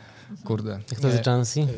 To jest córka producentki jednej z, z farmy. I u nich na farmie jest taka jedna główna droga pod górę, która prowadzi na jakby no, w górę góry. E, I farma jest po dwóch stronach. I e, no, ta droga jest często uczęszczana przez i z pracowników, ale też no, ludzi, którzy tam mieszkają w tej tak, ona wiosce. I tam zawsze jest mnóstwo śmieci, papierków po cukierkach, po chipsach, jakieś butelki po coli, no bo to dzieciaki, a nie tylko dzieciaki, po prostu to wyrzuc... Pijesz, Mhm. skończyło się, wyrzucasz. No i ta córka, która nie, nie mieszka na stałe w Gwatemali, tylko przyjeżdża tam regularnie do niej, mm, któregoś razu właśnie strasznie się wkurzyła, bo szła tą drogą i zobaczyła, że jest po prostu morze śmieci od, samej, od samego dołu na samą górę. I wymyśliła sobie, że zbierze te wszystkie dzieciaki i powiedziała, dam wam tam tyle i tyle tych centavos, czyli takie dro te Centów. drobne monetki tam za każdy przyniesiony papierek. No i to zadziałało, bo te dzieciaki zaczęły biegać po tej drodze przez tam dzień czy dwa i zebrały te wszystkie śmieci, no i przynoszą jej. No i ona zgodnie z umową tam za każdy ten papierek daje tam po tych 5 centavos. No ale przychodzą trzeciego, czwartego, piątego, szóstego dnia, ona patrzy, że już tych śmieci na drodze nie ma za bardzo. I te dzieciaki sobie wymyśliły, że one będą za te, za te pieniądze iść do sklepu, kupować sobie znowu te cukierki i papierek, który im został, będą przynosić jej z powrotem, żeby dostać znowu za to pieniądze. Tak, no. Także tam mają takie To smykałka do biznesu jest. Tak, tak. mają I, i super. Olu, dobrze się żyje w Gwatemali? Dobrze. No, ogólnie to jest po prostu taki no, zupełnie inny świat. Teraz w sumie dwa lata już nie byłam w Polsce, i, znaczy w ogóle w Europie. I jakoś się czułam bardzo, jak to się mówi po polsku, disconnected. Straci- Odrealniona? Straciłaś łączność z macierzą. Tak. Znaczy w ogóle z tym, z tym właśnie stylem życia, ten styl życia jest po prostu tak, tak inny i tak no, taki surowy jeszcze, że po prostu no, ja nie mam, nie mam na przykład dostępu do ciepłej wody, no, czasami tego prądu też nie mamy, no i, i to komplikuje, komplikuje takie standardy życiowe, powiedzmy, że te standardy życiowe są zupełnie inne tam i na które ja już przestałam zwracać uwagę i mi to tak nie przeszkadzało, a teraz, y, teraz zaś to po, poczułam na własnej skórze, typu gorący prysznic y, z, y, z super ciśnieniem i, i to jest taki dla mnie luksus aż wręcz, nie? Także e, i to jeszcze my w sumie, no powiedzmy, że mamy, em, mamy ten, ten prąd i zadbaliśmy o to, że mamy dostęp do internetu, no ale tam rzeczywiście ludzie nie mają. My chyba w tej wiosce tak naprawdę chyba jesteśmy jedyni, co mamy dostęp do internetu, nie? A co to, jak duża jest ta wioska? E, No nie jest duża, tam jest około 2000 osób może mieszka. No to mała też nie jest. Znaczy nie, no malutka, no. A tak jest rozciągnięta wzdłuż drogi. Rozciągnięta jest. Ulicówka, jak w Taka Świętokrzyskim. Ulicówka w No, Świętokrzyskim, tak. No, także to nie jest takie olbrzymie, no ale, um, ale jednak no właśnie no, no, ludzie też tam nie mają ani lodówek, ani, ani jakichś takich e, udogodnień, które tutaj są takie normalne i jakieś standardowe, a tam tego nie ma, nie? E, Tu od, od chyba kilku tygodni jesteś e, no, w Europie, trochę w Warszawie i okazja, żeby się spotkać, nagrać. E, ale nie mieszkałaś wcześniej też w Europie, właśnie jakbyśmy Tak. mogli też powiedzieć. Tak, tak. E, No się już. spotkaliście w Kanadzie, e, Nie, nie, myśmy się dołączyła... Spotkaliśmy się w W Gwatemali. Gwatemali żeśmy się spotkali. A, Aha, tak. Także To ogólnie, Piotrek był wtedy w Kanadzie. Mhm. Tak. pracował w Kanadzie. Nie, my się, my się poznaliśmy przez jeden telefon, który trwał 30 minut, a Tak. potem już poznaliśmy się w Gwatemali. Tak, Okej. tak. I wtedy już miałaś pomysł na AT Grace? Czy już Nie, funkcjonowało? też funkcjonowało. E, Z Agatą razem prowadziłyście. Tak. To był chyba pierwszy, pierwszy sezon e, eksportu, nie? Chyba. Mm, Znaczy nie, było to po pierwszym sezonie. po chyba. drugim. A po drugim, drugim po drugim. było, tak. Ile lat po temu to było? No to y, kiedy? to Dwa. było? Dwa lata temu już? Dwa lata temu. A, o, No to, może czyli po- po AT pierwszym. Grace ma 3 lata, tak? Cztery. Cztery. Półtora roku temu. To, to było tuż przed pandemią byłem u ciebie w sumie. A, no tak, no to nie, no to, to było powiedzmy po drugim już eksporcie, jak żeśmy się e, spotkali z Piotrkiem. Em, no i ogólnie ADA Grains było założone a, cztery, no pomysł powstał powiedzmy 4, lata temu. Mhm. A Dokładnie. wcześniej? A wcześniej mieszkałam w, w Australii. Yy, Wcześniej mieszkałam w Stanach, co w ogóle nie miałam nic wspólnego z pracą, yy, z pracą w kawie, ani w ogóle z kawą, nawet kawy nie piłam. Ale jak tylko się znalazłam tak naprawdę w Australii, no to w Australii te standardy kawowe są zupełnie inne. A konsument jest w ogóle, ma inną wiedzę na temat kawy i wydaje mi się taka, y, takie normalne tam, że tam wszyscy e, wymagają tej, tego, tej dobrej kawy. Ale rozumiem, że w całą tą kwestię uprawy i później w import to się wkręciłaś e, ze względów romantycznych, poznając swojego nie. chłopaka, A, nie? nie, nie, nie, nie, nie. Potem Okej. e, akurat tak życie mi się potoczyło, że trochę mi się tam pozabękały drogi w Australii przy, przez sprawy wizowe i musiałam opuścić kraj i akurat się złożyło tak, że dostałam ofertę pracy dzięki tej palarni, w której pracowałam, Market Lane i oni, oni kupowali kawę właśnie z Boliwii. I tam dostałam ofertę pracy na y, menadżera tego y, mokrego młyna, em, gdzie stwierdziłam, ok, jak, jak się otwierają te drzwi, to ja je wezmę i spakowałam życie do jednej walizki i pojechałam do Boliwii. Także Rozumiem, że wcześniej nie spędziłaś zbyt wiele czasu w e, mokrym młynie, ani w żadnym no w innym. ogóle w żadnym młynie nie spędziłam czasu. Może raz e, w skansenie w młynie wiatraku, Chyba tak, E, raz w byłam, Olsztynku. Tak, tak. albo w E, tokarni pod Kielcami. no. Tak, raz byłam w młynie, ale to było jedyne, jedyne doświadczenie z młynem, a tak to no nie miałam ani, nie miałam w sumie doświadczenia z kulturą, ani nie miałam doświadczenia z językiem, no bo też nie mówiłam po hiszpańsku. I, no To się nazywa skok na główkę. E, To był dokładnie. Który dokładnie to był tak. rok? 2017. Także to było w maju, gdzie wylądowałam w Boliwii i no i co? No i zostałam, w, y, że znalazłam się w sytuacji, którą sama sobie stworzyłam, y, gdzie musiałam się nauczyć szybko języka, musiałam ogarnąć jak, jak zarządzać tym wszystkim, nauczyć się wszystkich, e, wszystkiego od podstaw tak naprawdę i no i ogarnąć kulturę, bo ta kultura była taka bardzo ciężka do ogarnięcia. E, No i udało mi się. W sumie w ciągu miesiąca się tego wszystkiego nauczyłam. Znaczy nauczyłam się na tyle, żeby po prostu Być menadżerem Em, młynu. tak i, i zrobić jakąś... No to musiało być naprawdę trudne, że Tak. kobieta, e, nie dość, że kobieta, No matko, pewnie, no no bo właśnie, takie no. macizmo podejrzewam, że w Boliwii też istnieje, Jasne, jeszcze większa Biała, liczba- drobna kobieta. Biała, drobna kobieta. która tak. nie zna języka Tak, i zarządza. jakiejś zarządzającej po- pozycji to już było w ogóle, to był konflikt. A od Miałaś początku. e, ochroniarza z dubeltówką, który Nie. wzmacniał twoje słowa? Nie, mia- nie miałam, nie miałam na początku nic. nic Oni mieli. takiego. Tak. y, no no nie, nie powiem, że to było jakieś, y, jakieś y, łatwe do przeżycia i w ogóle do, do jakiegoś zaakceptowania tego, tych całych właśnie tej kultury, tego, że, że jest tak, a nie inaczej, jeżeli chodzi właśnie o, o ten, tak jak wspominałeś, podział kobiet, mężczyzn w tych kulturach jest taki wyraźny. I, no ale przeżyłam. przeżyłam. E, Jestem bogatsza o to doświadczenie. E, Nie zamieniałabym tego doświadczenia na nic, bo, bo znalazłam się, znaczy jestem dzisiaj tam, gdzie jestem. I, i też dużo mi pomogło na przyszłość to doświadczenie, na, na pracę z, z nowymi producentami czy z nowymi krajami. No i kawy z Boliwii są też w waszej ofercie, prawda? Tak, też są w naszej ofercie. Także też to, to nam w jakiś sposób też do portfolio dodało e, w późniejszym terminie. A taka Boliwia i ta Kostaryka, które, które też macie właśnie w ofercie, Honduras, to jest tak jak wyjechać z Polski na Słowację, to jest tak jak wyjechać z Gwatemali do Kostaryki, że to trochę niby O, podobne. Nie, nie, nie. Kostaryka totalnie inna. No, zaczęliśmy. Honduras bym powiedziała, że troszkę chyba nawet bardziej taki niebezpieczny niż, e, niż Gwatemala.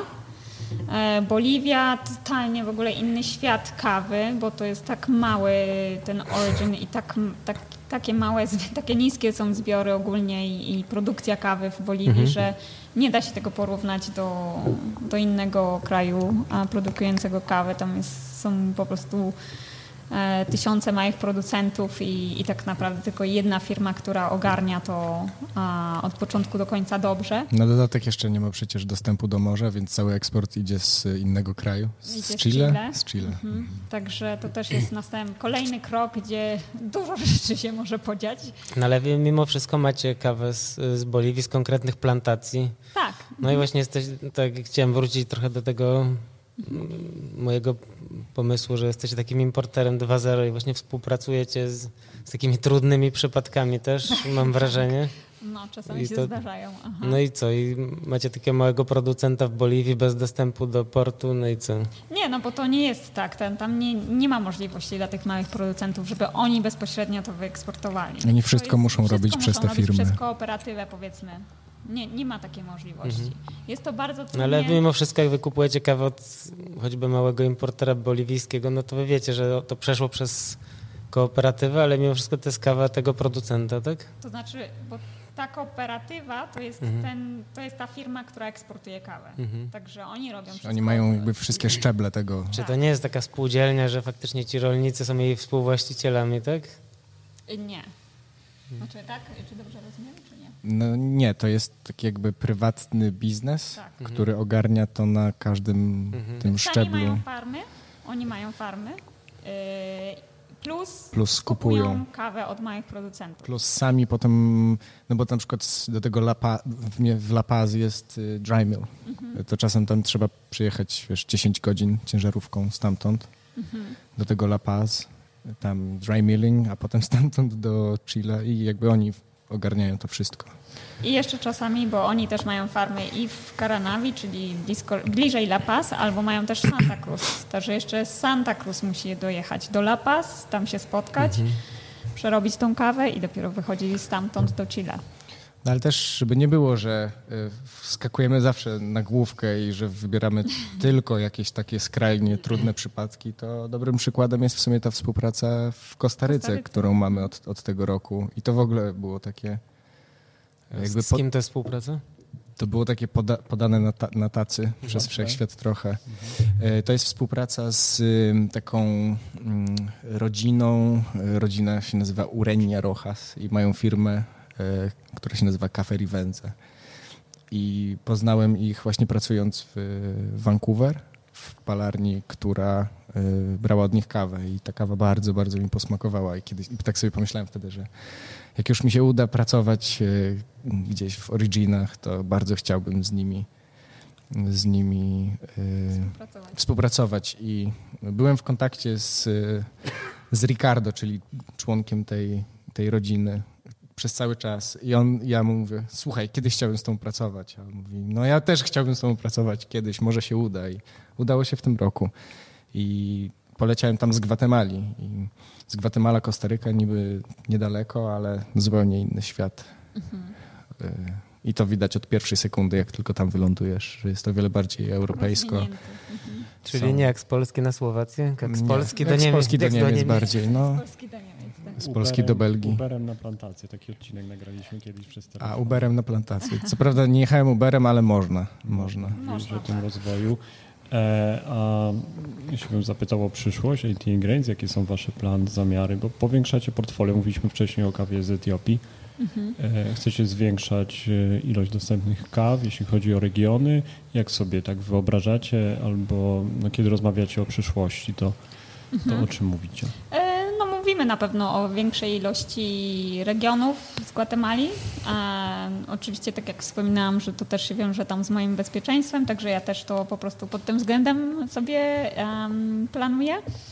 E, Bo ty rozumiem cały czas masz taką wizję, ideę, że wszyscy ci producenci, z którymi pracujecie, chcesz ich znać, odwiedzać. Tak, koniecznie. Po prostu dla mnie to jest, Mhm. je, jeżeli ja tam mieszkam i jestem tam na co dzień, to to dla mnie jest must, że ja nie, nie mogę ominąć tego kroku, że... Mhm. No ale oprócz tego, że ty jedziesz i po prostu się z nimi poznajesz, no to rozumiem, że to jest też trochę tak, że oni dostają od was jakiś feedback, prawda? Próbujecie tej ich kawy. Czy my w ogóle często, znaczy Jola non-stop, ja jak tam jestem, to też Mhm. mhm. nieraz robimy na przykład całe quality control dla Tak. danego, Dane, danemu No właśnie, producentowi. bo to jest jakby taka rzecz, która moim zdaniem trochę nie wybrzmiała w tej naszej y, Mhm. rozmowie, że wy jesteście też tym takim producentem bardziej, znaczy importerem bardziej takim, powiedziałbym, świadomym, czy takim właśnie 2.0, dlatego że mam wrażenie, że wy też y, nie tylko bierzecie i dajecie pieniądze, ale też tam wkładacie jakąś swoją wiedzę Tak, i no staramy się jak możemy, żeby ich tam wspomóc. Też jeżeli na przykład y, chcą spróbować jakichś procesów, to ja w zeszłym roku na przykład byłam w, e, na Amaravilla. Robiłam e, honey obróbkę, robiłam no nacho. fajnie, to ja mam worek tej kawy za plecami. Masz ha- honey. Mhm. O, Czy dwa? no to to jest ta, którą dosłownie, wiesz... e, Tymi rękoma. moi- tymi, Tymi rękoma. Tak. Fajnie. I co? Co zrobiłaś z tą kawą, żeby była dobra? E, No dobrze ją przeprocesowałam. Dobrą obróbkę zrobiłam. Mhm. Wiesz, e, zrobiłam po prostu... No gość robił że cały czas. Że tam byłam po prostu. To jest bardzo ważne, że byłam przy tym i, i pracowałam przy tym bezpośrednio. Nie, nie powiedziałam tylko tym ludziom, że macie zrobić to, to, to i to, tylko ja rzeczywiście z nimi to zrobiłam. Bo to jest najważniejsze, żeby się na pewno upewnić, że to zostało zrobione, to musisz to zrobić sam. E, I oczywiście to było na małą skalę, bo w sumie wyszły ile? Cztery worki po 45 kilo O tej tak. kawy i to był jeden, e, to był jeden jednodniowy zbiór, także to był tylko i U. wyłącznie jedno, jeden lot. Nie były mieszane w ogóle z żadnym innym dniem zbiórki. Naprawdę? To mamy połowę całego zbioru? E, Ciekawe. No tak, no. Tak Ale proszę, jaja. widzisz. Fancy. Fancy. A zobaczcie, co Paweł ma, jakie ma fancy. O! uuu. Teraz e, No. szkoda, że Państwo tego nie widzą. Jakbym powiedziałbym, gdybym był e, tym e, komentatorem z polskiego radia, bo Piotrek ma dzisiaj urodziny i Jezus, dziękuję a, pa, bardzo. a Paweł przyniósł. E, To jest definicja niespodzianki. Jakby Ze nie, nie spodziewałem się tego. Dziękuję bardzo. Wszystkiego najlepszego. No, dziękuję. wszystkiego najlepszego, Piotrek. Staramy się dopytać, to Jola nam podpowiedziała trochę w weekend. Taki wyjątkowy dzień. No wiem, wiem, na pewno coś tam mówiło. Dziękuję wam. Ale jeszcze chciałem tylko wrócić e, do tego 88 w sensie takim, że mm, bo pytałeś o ten rozwój, Mhm. Że wiadomo, że chcemy się rozwijać i otwierać się na nowych producentów i na nowe originy, ale, I na nowe polarnie także, nie? mm, Bo to w dwie strony idzie. ale z drugiej strony y, jakby no, chcemy zachować te, ten styl pracy właśnie taki... No właśnie, bo gdzieś się skończy już możliwość O to chodzi, o to chodzi. odwiedzania, prawda? O to chodzi, że ym, jakby jedną z podstawowych rzeczy takich naszych to jest to, że nigdy w życiu nie interesuje nas coś takiego jak kupienie kawy raz, bo jest dobra. Że wiesz, masz tak, taką kawę na Albo jeden kupienie raz bez tania jest... strzał. Tak, tak, tak.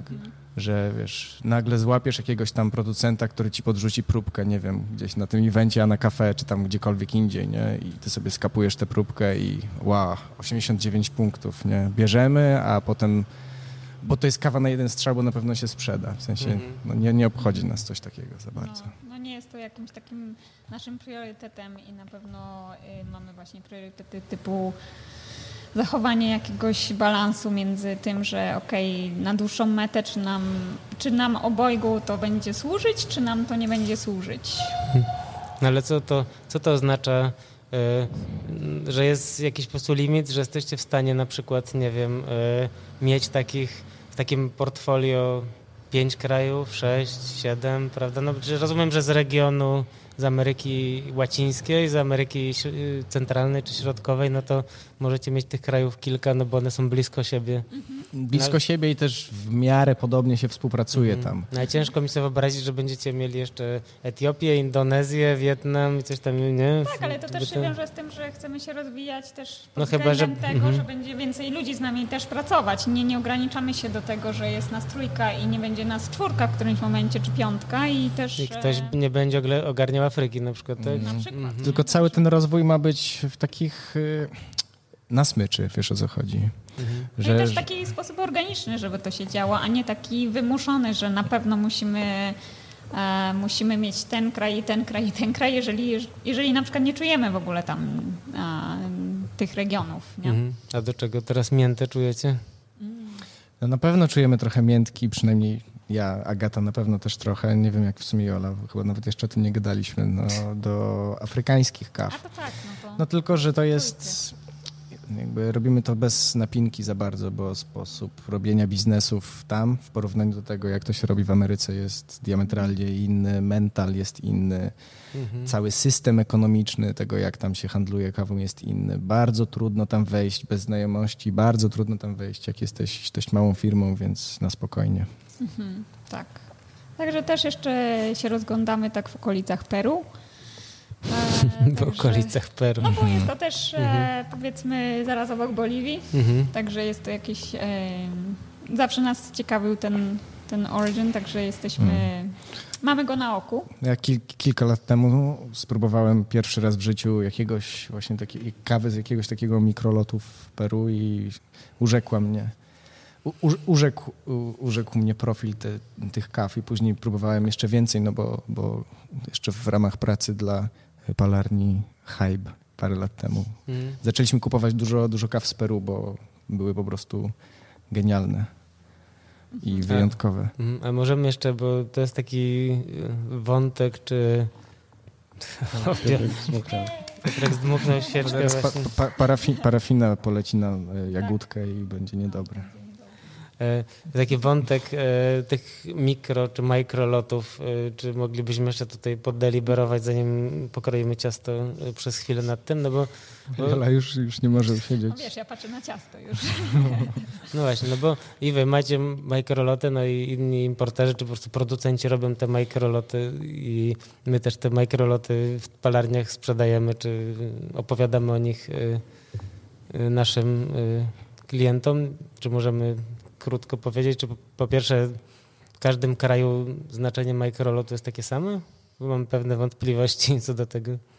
A, a jakie masz? W sensie, No w tym znaczeniu, że mam wrażenie, że dla jednego producenta, na przykład, nie wiem, z Ameryki Łacińskiej, to microlot to może być jakaś konkretna jedna parcela, z której jest Mhm. wzięta kawa, a ktoś inny to może powiedzieć dla niego microlot to będzie cały zbiór z danego, nie wiem, z danego momentu. w kontekście Gwatemali, tradycyjnie jest tak, że farmerzy po prostu mają ten jeden zbiór i sprzedają to na, do eksportera, czyli tak to się mówi, że na local market, nie? Mhm.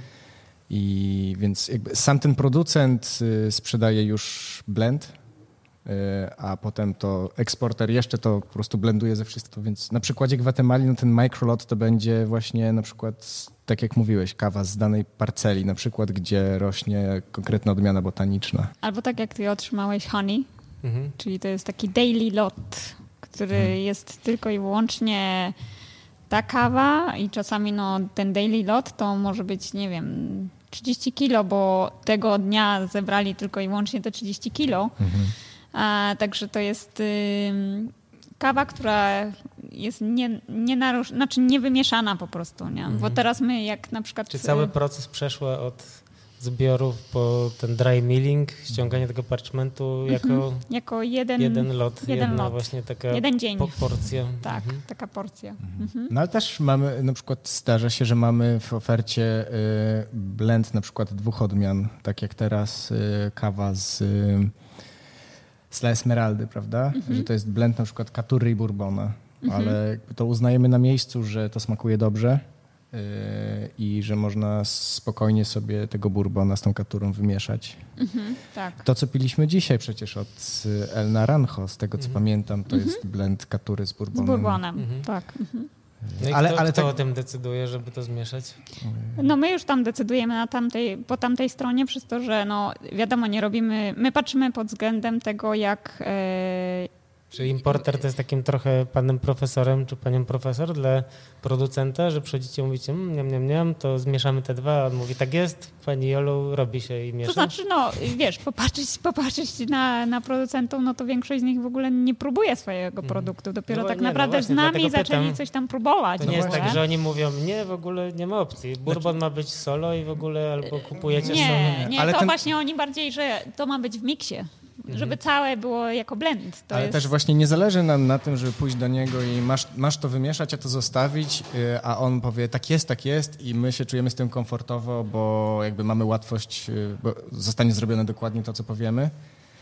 Tylko zależy nam na tym, żeby w tym samym czasie wytłumaczyć mu, dlaczego akurat zmieszać to, a akurat dlaczego to odseparować. Mhm. Żeby on to zrozumiał. I że, żeby, żeby na przykład, i to też nam ułatwi w przyszłości pracę, bo za rok takimi trochę profesorkami dla nich jednak, że wy Znaczy, no dzięki temu, że pracujecie też z palarniami i z, z konsumentami, wiecie jak ten produkt po prostu smakuje, to jesteście w stanie ich przekonać, że jednak warto coś zrobić albo czegoś nie zrobić, prawda? Tak, ale zazwyczaj jeżeli robimy już takie operacje typu okej, ten warto zatrzymać na boku, Mhm. to, to to jest zazwyczaj od tych producentów, gdzie kupujemy kawę w parchment i już potem sami ogarniamy tą, screen i tak dalej. ten, to, ca, to cały, ten Czyli cały rozumiem, proces. że kupując od producenta taki półprodukt de facto trochę, tą kawę w parchmencie, wy jako importer możecie też e, sobie tutaj pofolgować i na przykład coś zmieszać, coś zostawić, tak? Tak.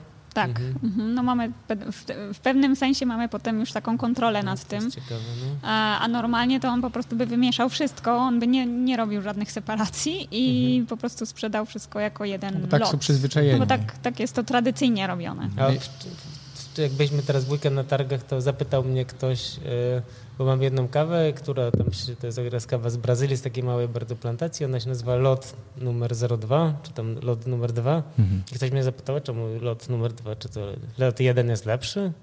Ja powiedziałem, że to za, moim zdaniem to po prostu po kolei idzie, że pewnie pierwszy lot się nazwali, da, dostał numer 1, kolejny numer 2 i tak dalej. Pewnie możesz mieć, wiesz, kilkadziesiąt powodów, dla Mhm. których nazwiesz ten jeden, ten dwa, a tamten tam Mhm. 400. No właśnie, i często właśnie afrykańskie loty to jednak mają cyferki, zauważyłem. Tak, Na bo tam jest przykład- tego bardzo Mhm. dużo, nie? Tak. na przykład w kawach z, jednak z Ameryki Łacińskiej jest napisane na przykład po prostu coś tam, coś tam, microlot, prawda? No i Mhm. Ale to zależy, bo wiesz, ja mogę na, na czy przykład... to jest też taka jest, licencja poetyka, możesz sobie coś wymyślić, tak? Tak, bo to na koniec, my, jeżeli my na przykład robimy cały design na, na torbę, no to ja mogę dać El Naranjo dla, dla Czarna Fala. Mhm. I wiesz, i to będzie na torbie i nie będzie, wiesz, ja ci mogę powiedzieć dokładnie, co jest w tym, ale to dostaniesz informację od nas al- lub od producenta bezpośrednio. No to jest bardzo ciekawe, bo wiesz, zauważyłem, że jest takie trochę zamieszanie przez to, że i palarnie, i importerzy są chyba mało konsekwentni czasami. To jest takie zamieszanie, z którym ja próbuję walczyć, bo na przykład jedna palarnia będzie miała kawę, powiedzmy, będzie z Gwatemali i no i nazwa, w cudzysłowie nazwa tej kawy to jest nazwisko producenta. Czyli powiedzmy nazywałaby się Gwatem, powiedzmy Kostaryka Uribe Rojas, prawda? A ktoś inny napisze Kostaryka i powiedzmy nazwę... jak Nazwę Wetmill na przykład. no, tego. albo nazwę farmy, jak się nazywa farma tej rodziny, Uribe Rojas. Mm, No właśnie, to, o, właśnie to jest dobry przykład, bo firma Mhm. nazywa się Cafe Rivenza i oni mają farmę, która jest y, spora, jest, jest Mhm. dość spora. Tam część tej farmy za, zajmuje też naturalny rezerwat. Mhm. I na przykład tam oni sobie podzielili tę swoją całą farmę na plantacje. Oni to nazywają plantations, czyli Mhm. plan, plantation to nie jest cała farma, tylko to jest miejsce na farmie. Czy Finka? Y, Właśnie nie. nie Oni na, finka? na przykład Finka tam w ogóle nie używają no nie.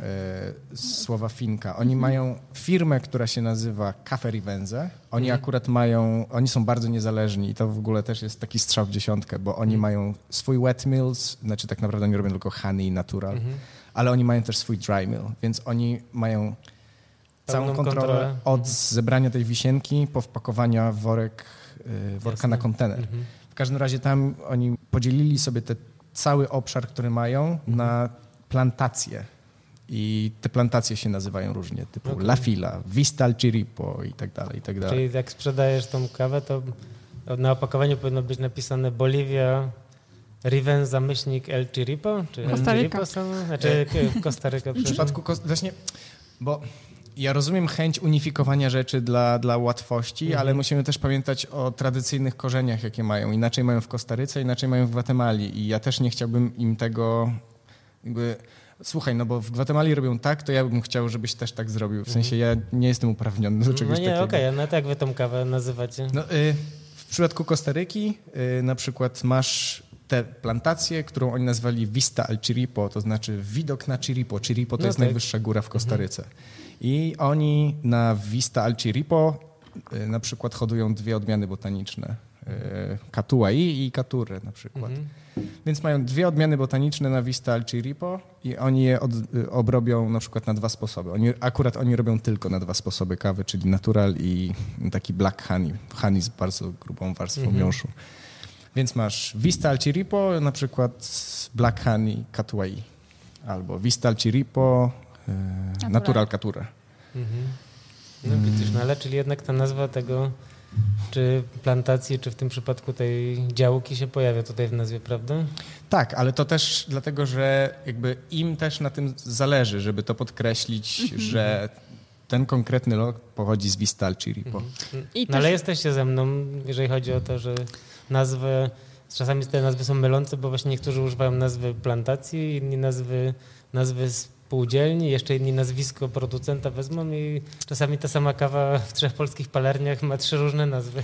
Tak, e, znaczy ja na pewno hmm, myślę, że to też może brać się z tego, że ktoś chce się trochę rozróżnić, w sensie a, że, Wyróżnić. wyróżnić, tak, że a ta palarnia już ma te kawy, no to może my ją nazwiemy trochę inaczej. W sensie nie mówię, że to jest złe. E, Rozumiem twój punkt widzenia, że po prostu brak tej unifikacji wprowadza chaos. Mhm. Ale nie wiem, myślę, że ważniejsze jest to, jak ta kawa smakuje i od kogo jest na sam koniec, nie? No tak, to No na tak. pewno. Ale mój taki, wiesz, umysł skandynawski Zrozumiałe. y, zrozumiałe. chciałby, żeby była jakaś unifikacja. No ale to dajmy temu spokój faktycznie może, bo to tylko ja mam chyba z tym problem. Paweł, Paweł nic nie mówi. Wiesz, my dalej patrzymy na to Możemy ciasto, jeszcze odebrać nie? telefony od słuchaczy. Piotrek zdmuchnął świeczkę, to jest tak, że wtedy myśli się e, nad jakimś życzeniem i ono podobno się sprawdza. Ja myślę, że Piotrek ma na głowie masę fajnych, takich prywatnych spraw, o których mogłeś w takiej okazji pomyśleć, ale jak tam trochę miejsca, wiesz, na te sfery zawodowe, no to... Jak już o tym powiedziałeś, to pomyślałem teraz, bo wcześniej zapomniałem. No, a to zmierzam do tego, że życzymy wam rozwoju. Dziękujemy I wzajemnie. bardzo, dziękujemy. I My, dziękujemy bo właśnie, bo za my od was e, bardzo dziękujemy, że jesteście. No wykorzystaliśmy ten moment, że Jola jesteś, jesteś e, w Polsce. E, No też e, mamy przyjemność współpracować i wkrótce będziemy mogli słuchaczom zaproponować e, kawę z 18 Grace. Super. Cieszymy się bardzo, niezmiernie. I ona będzie palona 5 metrów od tego stołu chyba. O wow, no Tak. tak. Dokładnie No tak. tak. Mhm. E, To już, teraz, to już teraz zapraszamy. Zastanowimy się, jak to zorganizujemy. E, Piotr, pewnie jesteś w Warszawie częściej, więc Trochę częściej niż Jola. Zaprosimy Ciebie, może jeszcze nam opowiesz o tych już konkretnych kawach, e, które, które, które później zaproponujemy słuchaczom. A z Jolą może zadzwonimy, może Mhm. No akurat jasne. wszystko no i, jasne. i powiemy o konkretnych pla- plantatorach. Super. Dla No. mnie to jest cały czas. Ja to bym mógł słuchać i słuchać, wiesz. Ja to lubię takie, jak czytam na przykład jakieś, albo słucham jakichś podcastów, albo czytam jakieś artykuły, to tak lubię takie, wiesz, jak ktoś opisuje swój poranek na przykład. To, to bym takie rzeczy mógł słuchać No, ja, mam, ja mam podobnie, tylko Tak. boję się, że to są zbyt szczegółowe, jak ja pytam, jak wygląda ten No, dzień. Wiesz, Wstaję ja chciałem- rano, zakładam ten gumiaki, nie, nie, zakładam No. sandały. Tego, Ja- ale ja- tego jest tyle, przecież ja też mam takie uczucie, gadamy już tutaj półtorej godziny ponad. Mhm. Ja mam takie wrażenie, że ledwie co e, liznęliśmy ten temat. Tak, bo nawet chyba te, do końca tego dnia żeśmy nie opisali. nie. E, no ale to już zostawmy. Na, e, Zostawmy, wkładam gumiaki, okazja. codziennie wkładam gumiaki. A- Obie- Obiecuję ci, A nawet, że nawet wkładam. kupiła sobie nowe Nawet tu. sobie kupiłam tutaj nowe, wiesz, bo tam Czerwone? miałam problem. Będę miała na szare. farmę. Będę miała na farmę, bo, em, no bo niestety tam też mam problem, żeby dostać e, porządne gumiaki. Na pewno jakieś ładne, stylowe, nawiązuje do rozmowy o sweterkach wczorajszej. No? Tak, no na pewno, no muszę tutaj, wiesz, mieć e, wyrównaną tą, e, ten cały, wiesz, e, to całe zamieszanie z modą. Znasz już na tyle dobrze Piotra, że wiesz, że co warto mu życzyć z okazji urodzin? To też takie okrągłe, nie wiem, czy możemy powiedzieć. Tak, no okrągłe 30. O proszę. No, dzisiaj, dzisiaj otworzyłem oczy rano i byłem taki lekko skonfundowany tym, ale już jest okej. No jest. Jolu, co, co można życzyć Petrowi? No chyba mu życzę takiego. em, życzę mu, aby się rozwijał zawsze i wszędzie, żeby się nie ograniczał w żaden sposób i na pewno, żebyś, się, żebyś nawet nie myślał o, tej, o, tej, o tych cyferkach 30, że to 30, bo to jest taki. em, dla mnie to był super, super wejście w 30, bo. Dla babci patrzy- Joli to było super. bo patrzy, patrzy się na życie z innej perspektywy i, i po prostu to, żeby, żebyś się non-stop rozwijał i non-stop e, dociekał czegoś nowego, to jest najważniejsze chyba. Dziękuję. Czego ci życzę. Oh yeah. Są te gwiazdy. I teraz wróżka już znika. Wróżka znika. Dziękujemy Ci. Dzięki. To ja wam dziękuję bardzo. Dziękujemy Piotrze. Dziękuję bardzo i za niespodziankę. Je- Jeszcze bardziej. Od nas również wszystkiego najlepszego. I do usłyszenia niedługo. Długa rozmowa, ale wiesz co, jak zaczynaliśmy, to ja wiedziałem, że to nie będzie krótki odcinek. No nie, o rany. Mam nadzieję, że mi to się tak dobrze słuchało, nawet y, jak zajmowałem się później montażem kolejny raz, to naprawdę to z wypiekami na twarzy chciałbym i mógłbym tak rozmawiać jeszcze parę godzin o takich rzeczach. Są w sumie takie najfajniejsze historie chyba, jak dla mnie. To cóż, zapraszamy jeszcze raz na stronie Podcast o kawie. Będziecie mogli e, sprawdzić, jak smakują te kawy. Ty znasz Gwatemalę od lat. Znam niestety tylko z filiżanki, nie byłem nigdy. Chciałbym, ale uwielbiam Gwatemalę pić. Więc myślę, że chciałbym też tam pojechać kiedyś. Mm. Może pojedziemy, co? Bardzo chętnie. Myślę, To że było- dużo się tak dzieje Jezu, jakbyśmy przy, polecieli do Gwatemali, że przyjechali do, do Joli na farmę. Tak niespodzianie. A, przecież w tym odcinku jest konkurs. Mm, No właśnie, na naszej grupie na Facebooku wpisujcie odpowiedzi. konkurs, no właśnie. A co jest do wygrania? Kawa herezji. Uuu, fajnie, ale z Gwatemali. Tak, z No, no, już Gwatemali, od, z Gwatemali. od, od jakiegoś czasu jest tutaj. Żartuję z Gwatemali, oczywiście, że tak. Gwatemali? No pewnie. Okej, to zaglądajcie na grupę na Facebooku. Tym razem tam sobie rozmawiamy na temat odpowiedzi i tam wylosujemy zwycięzców. No super, dzięki, pa pa. Pa.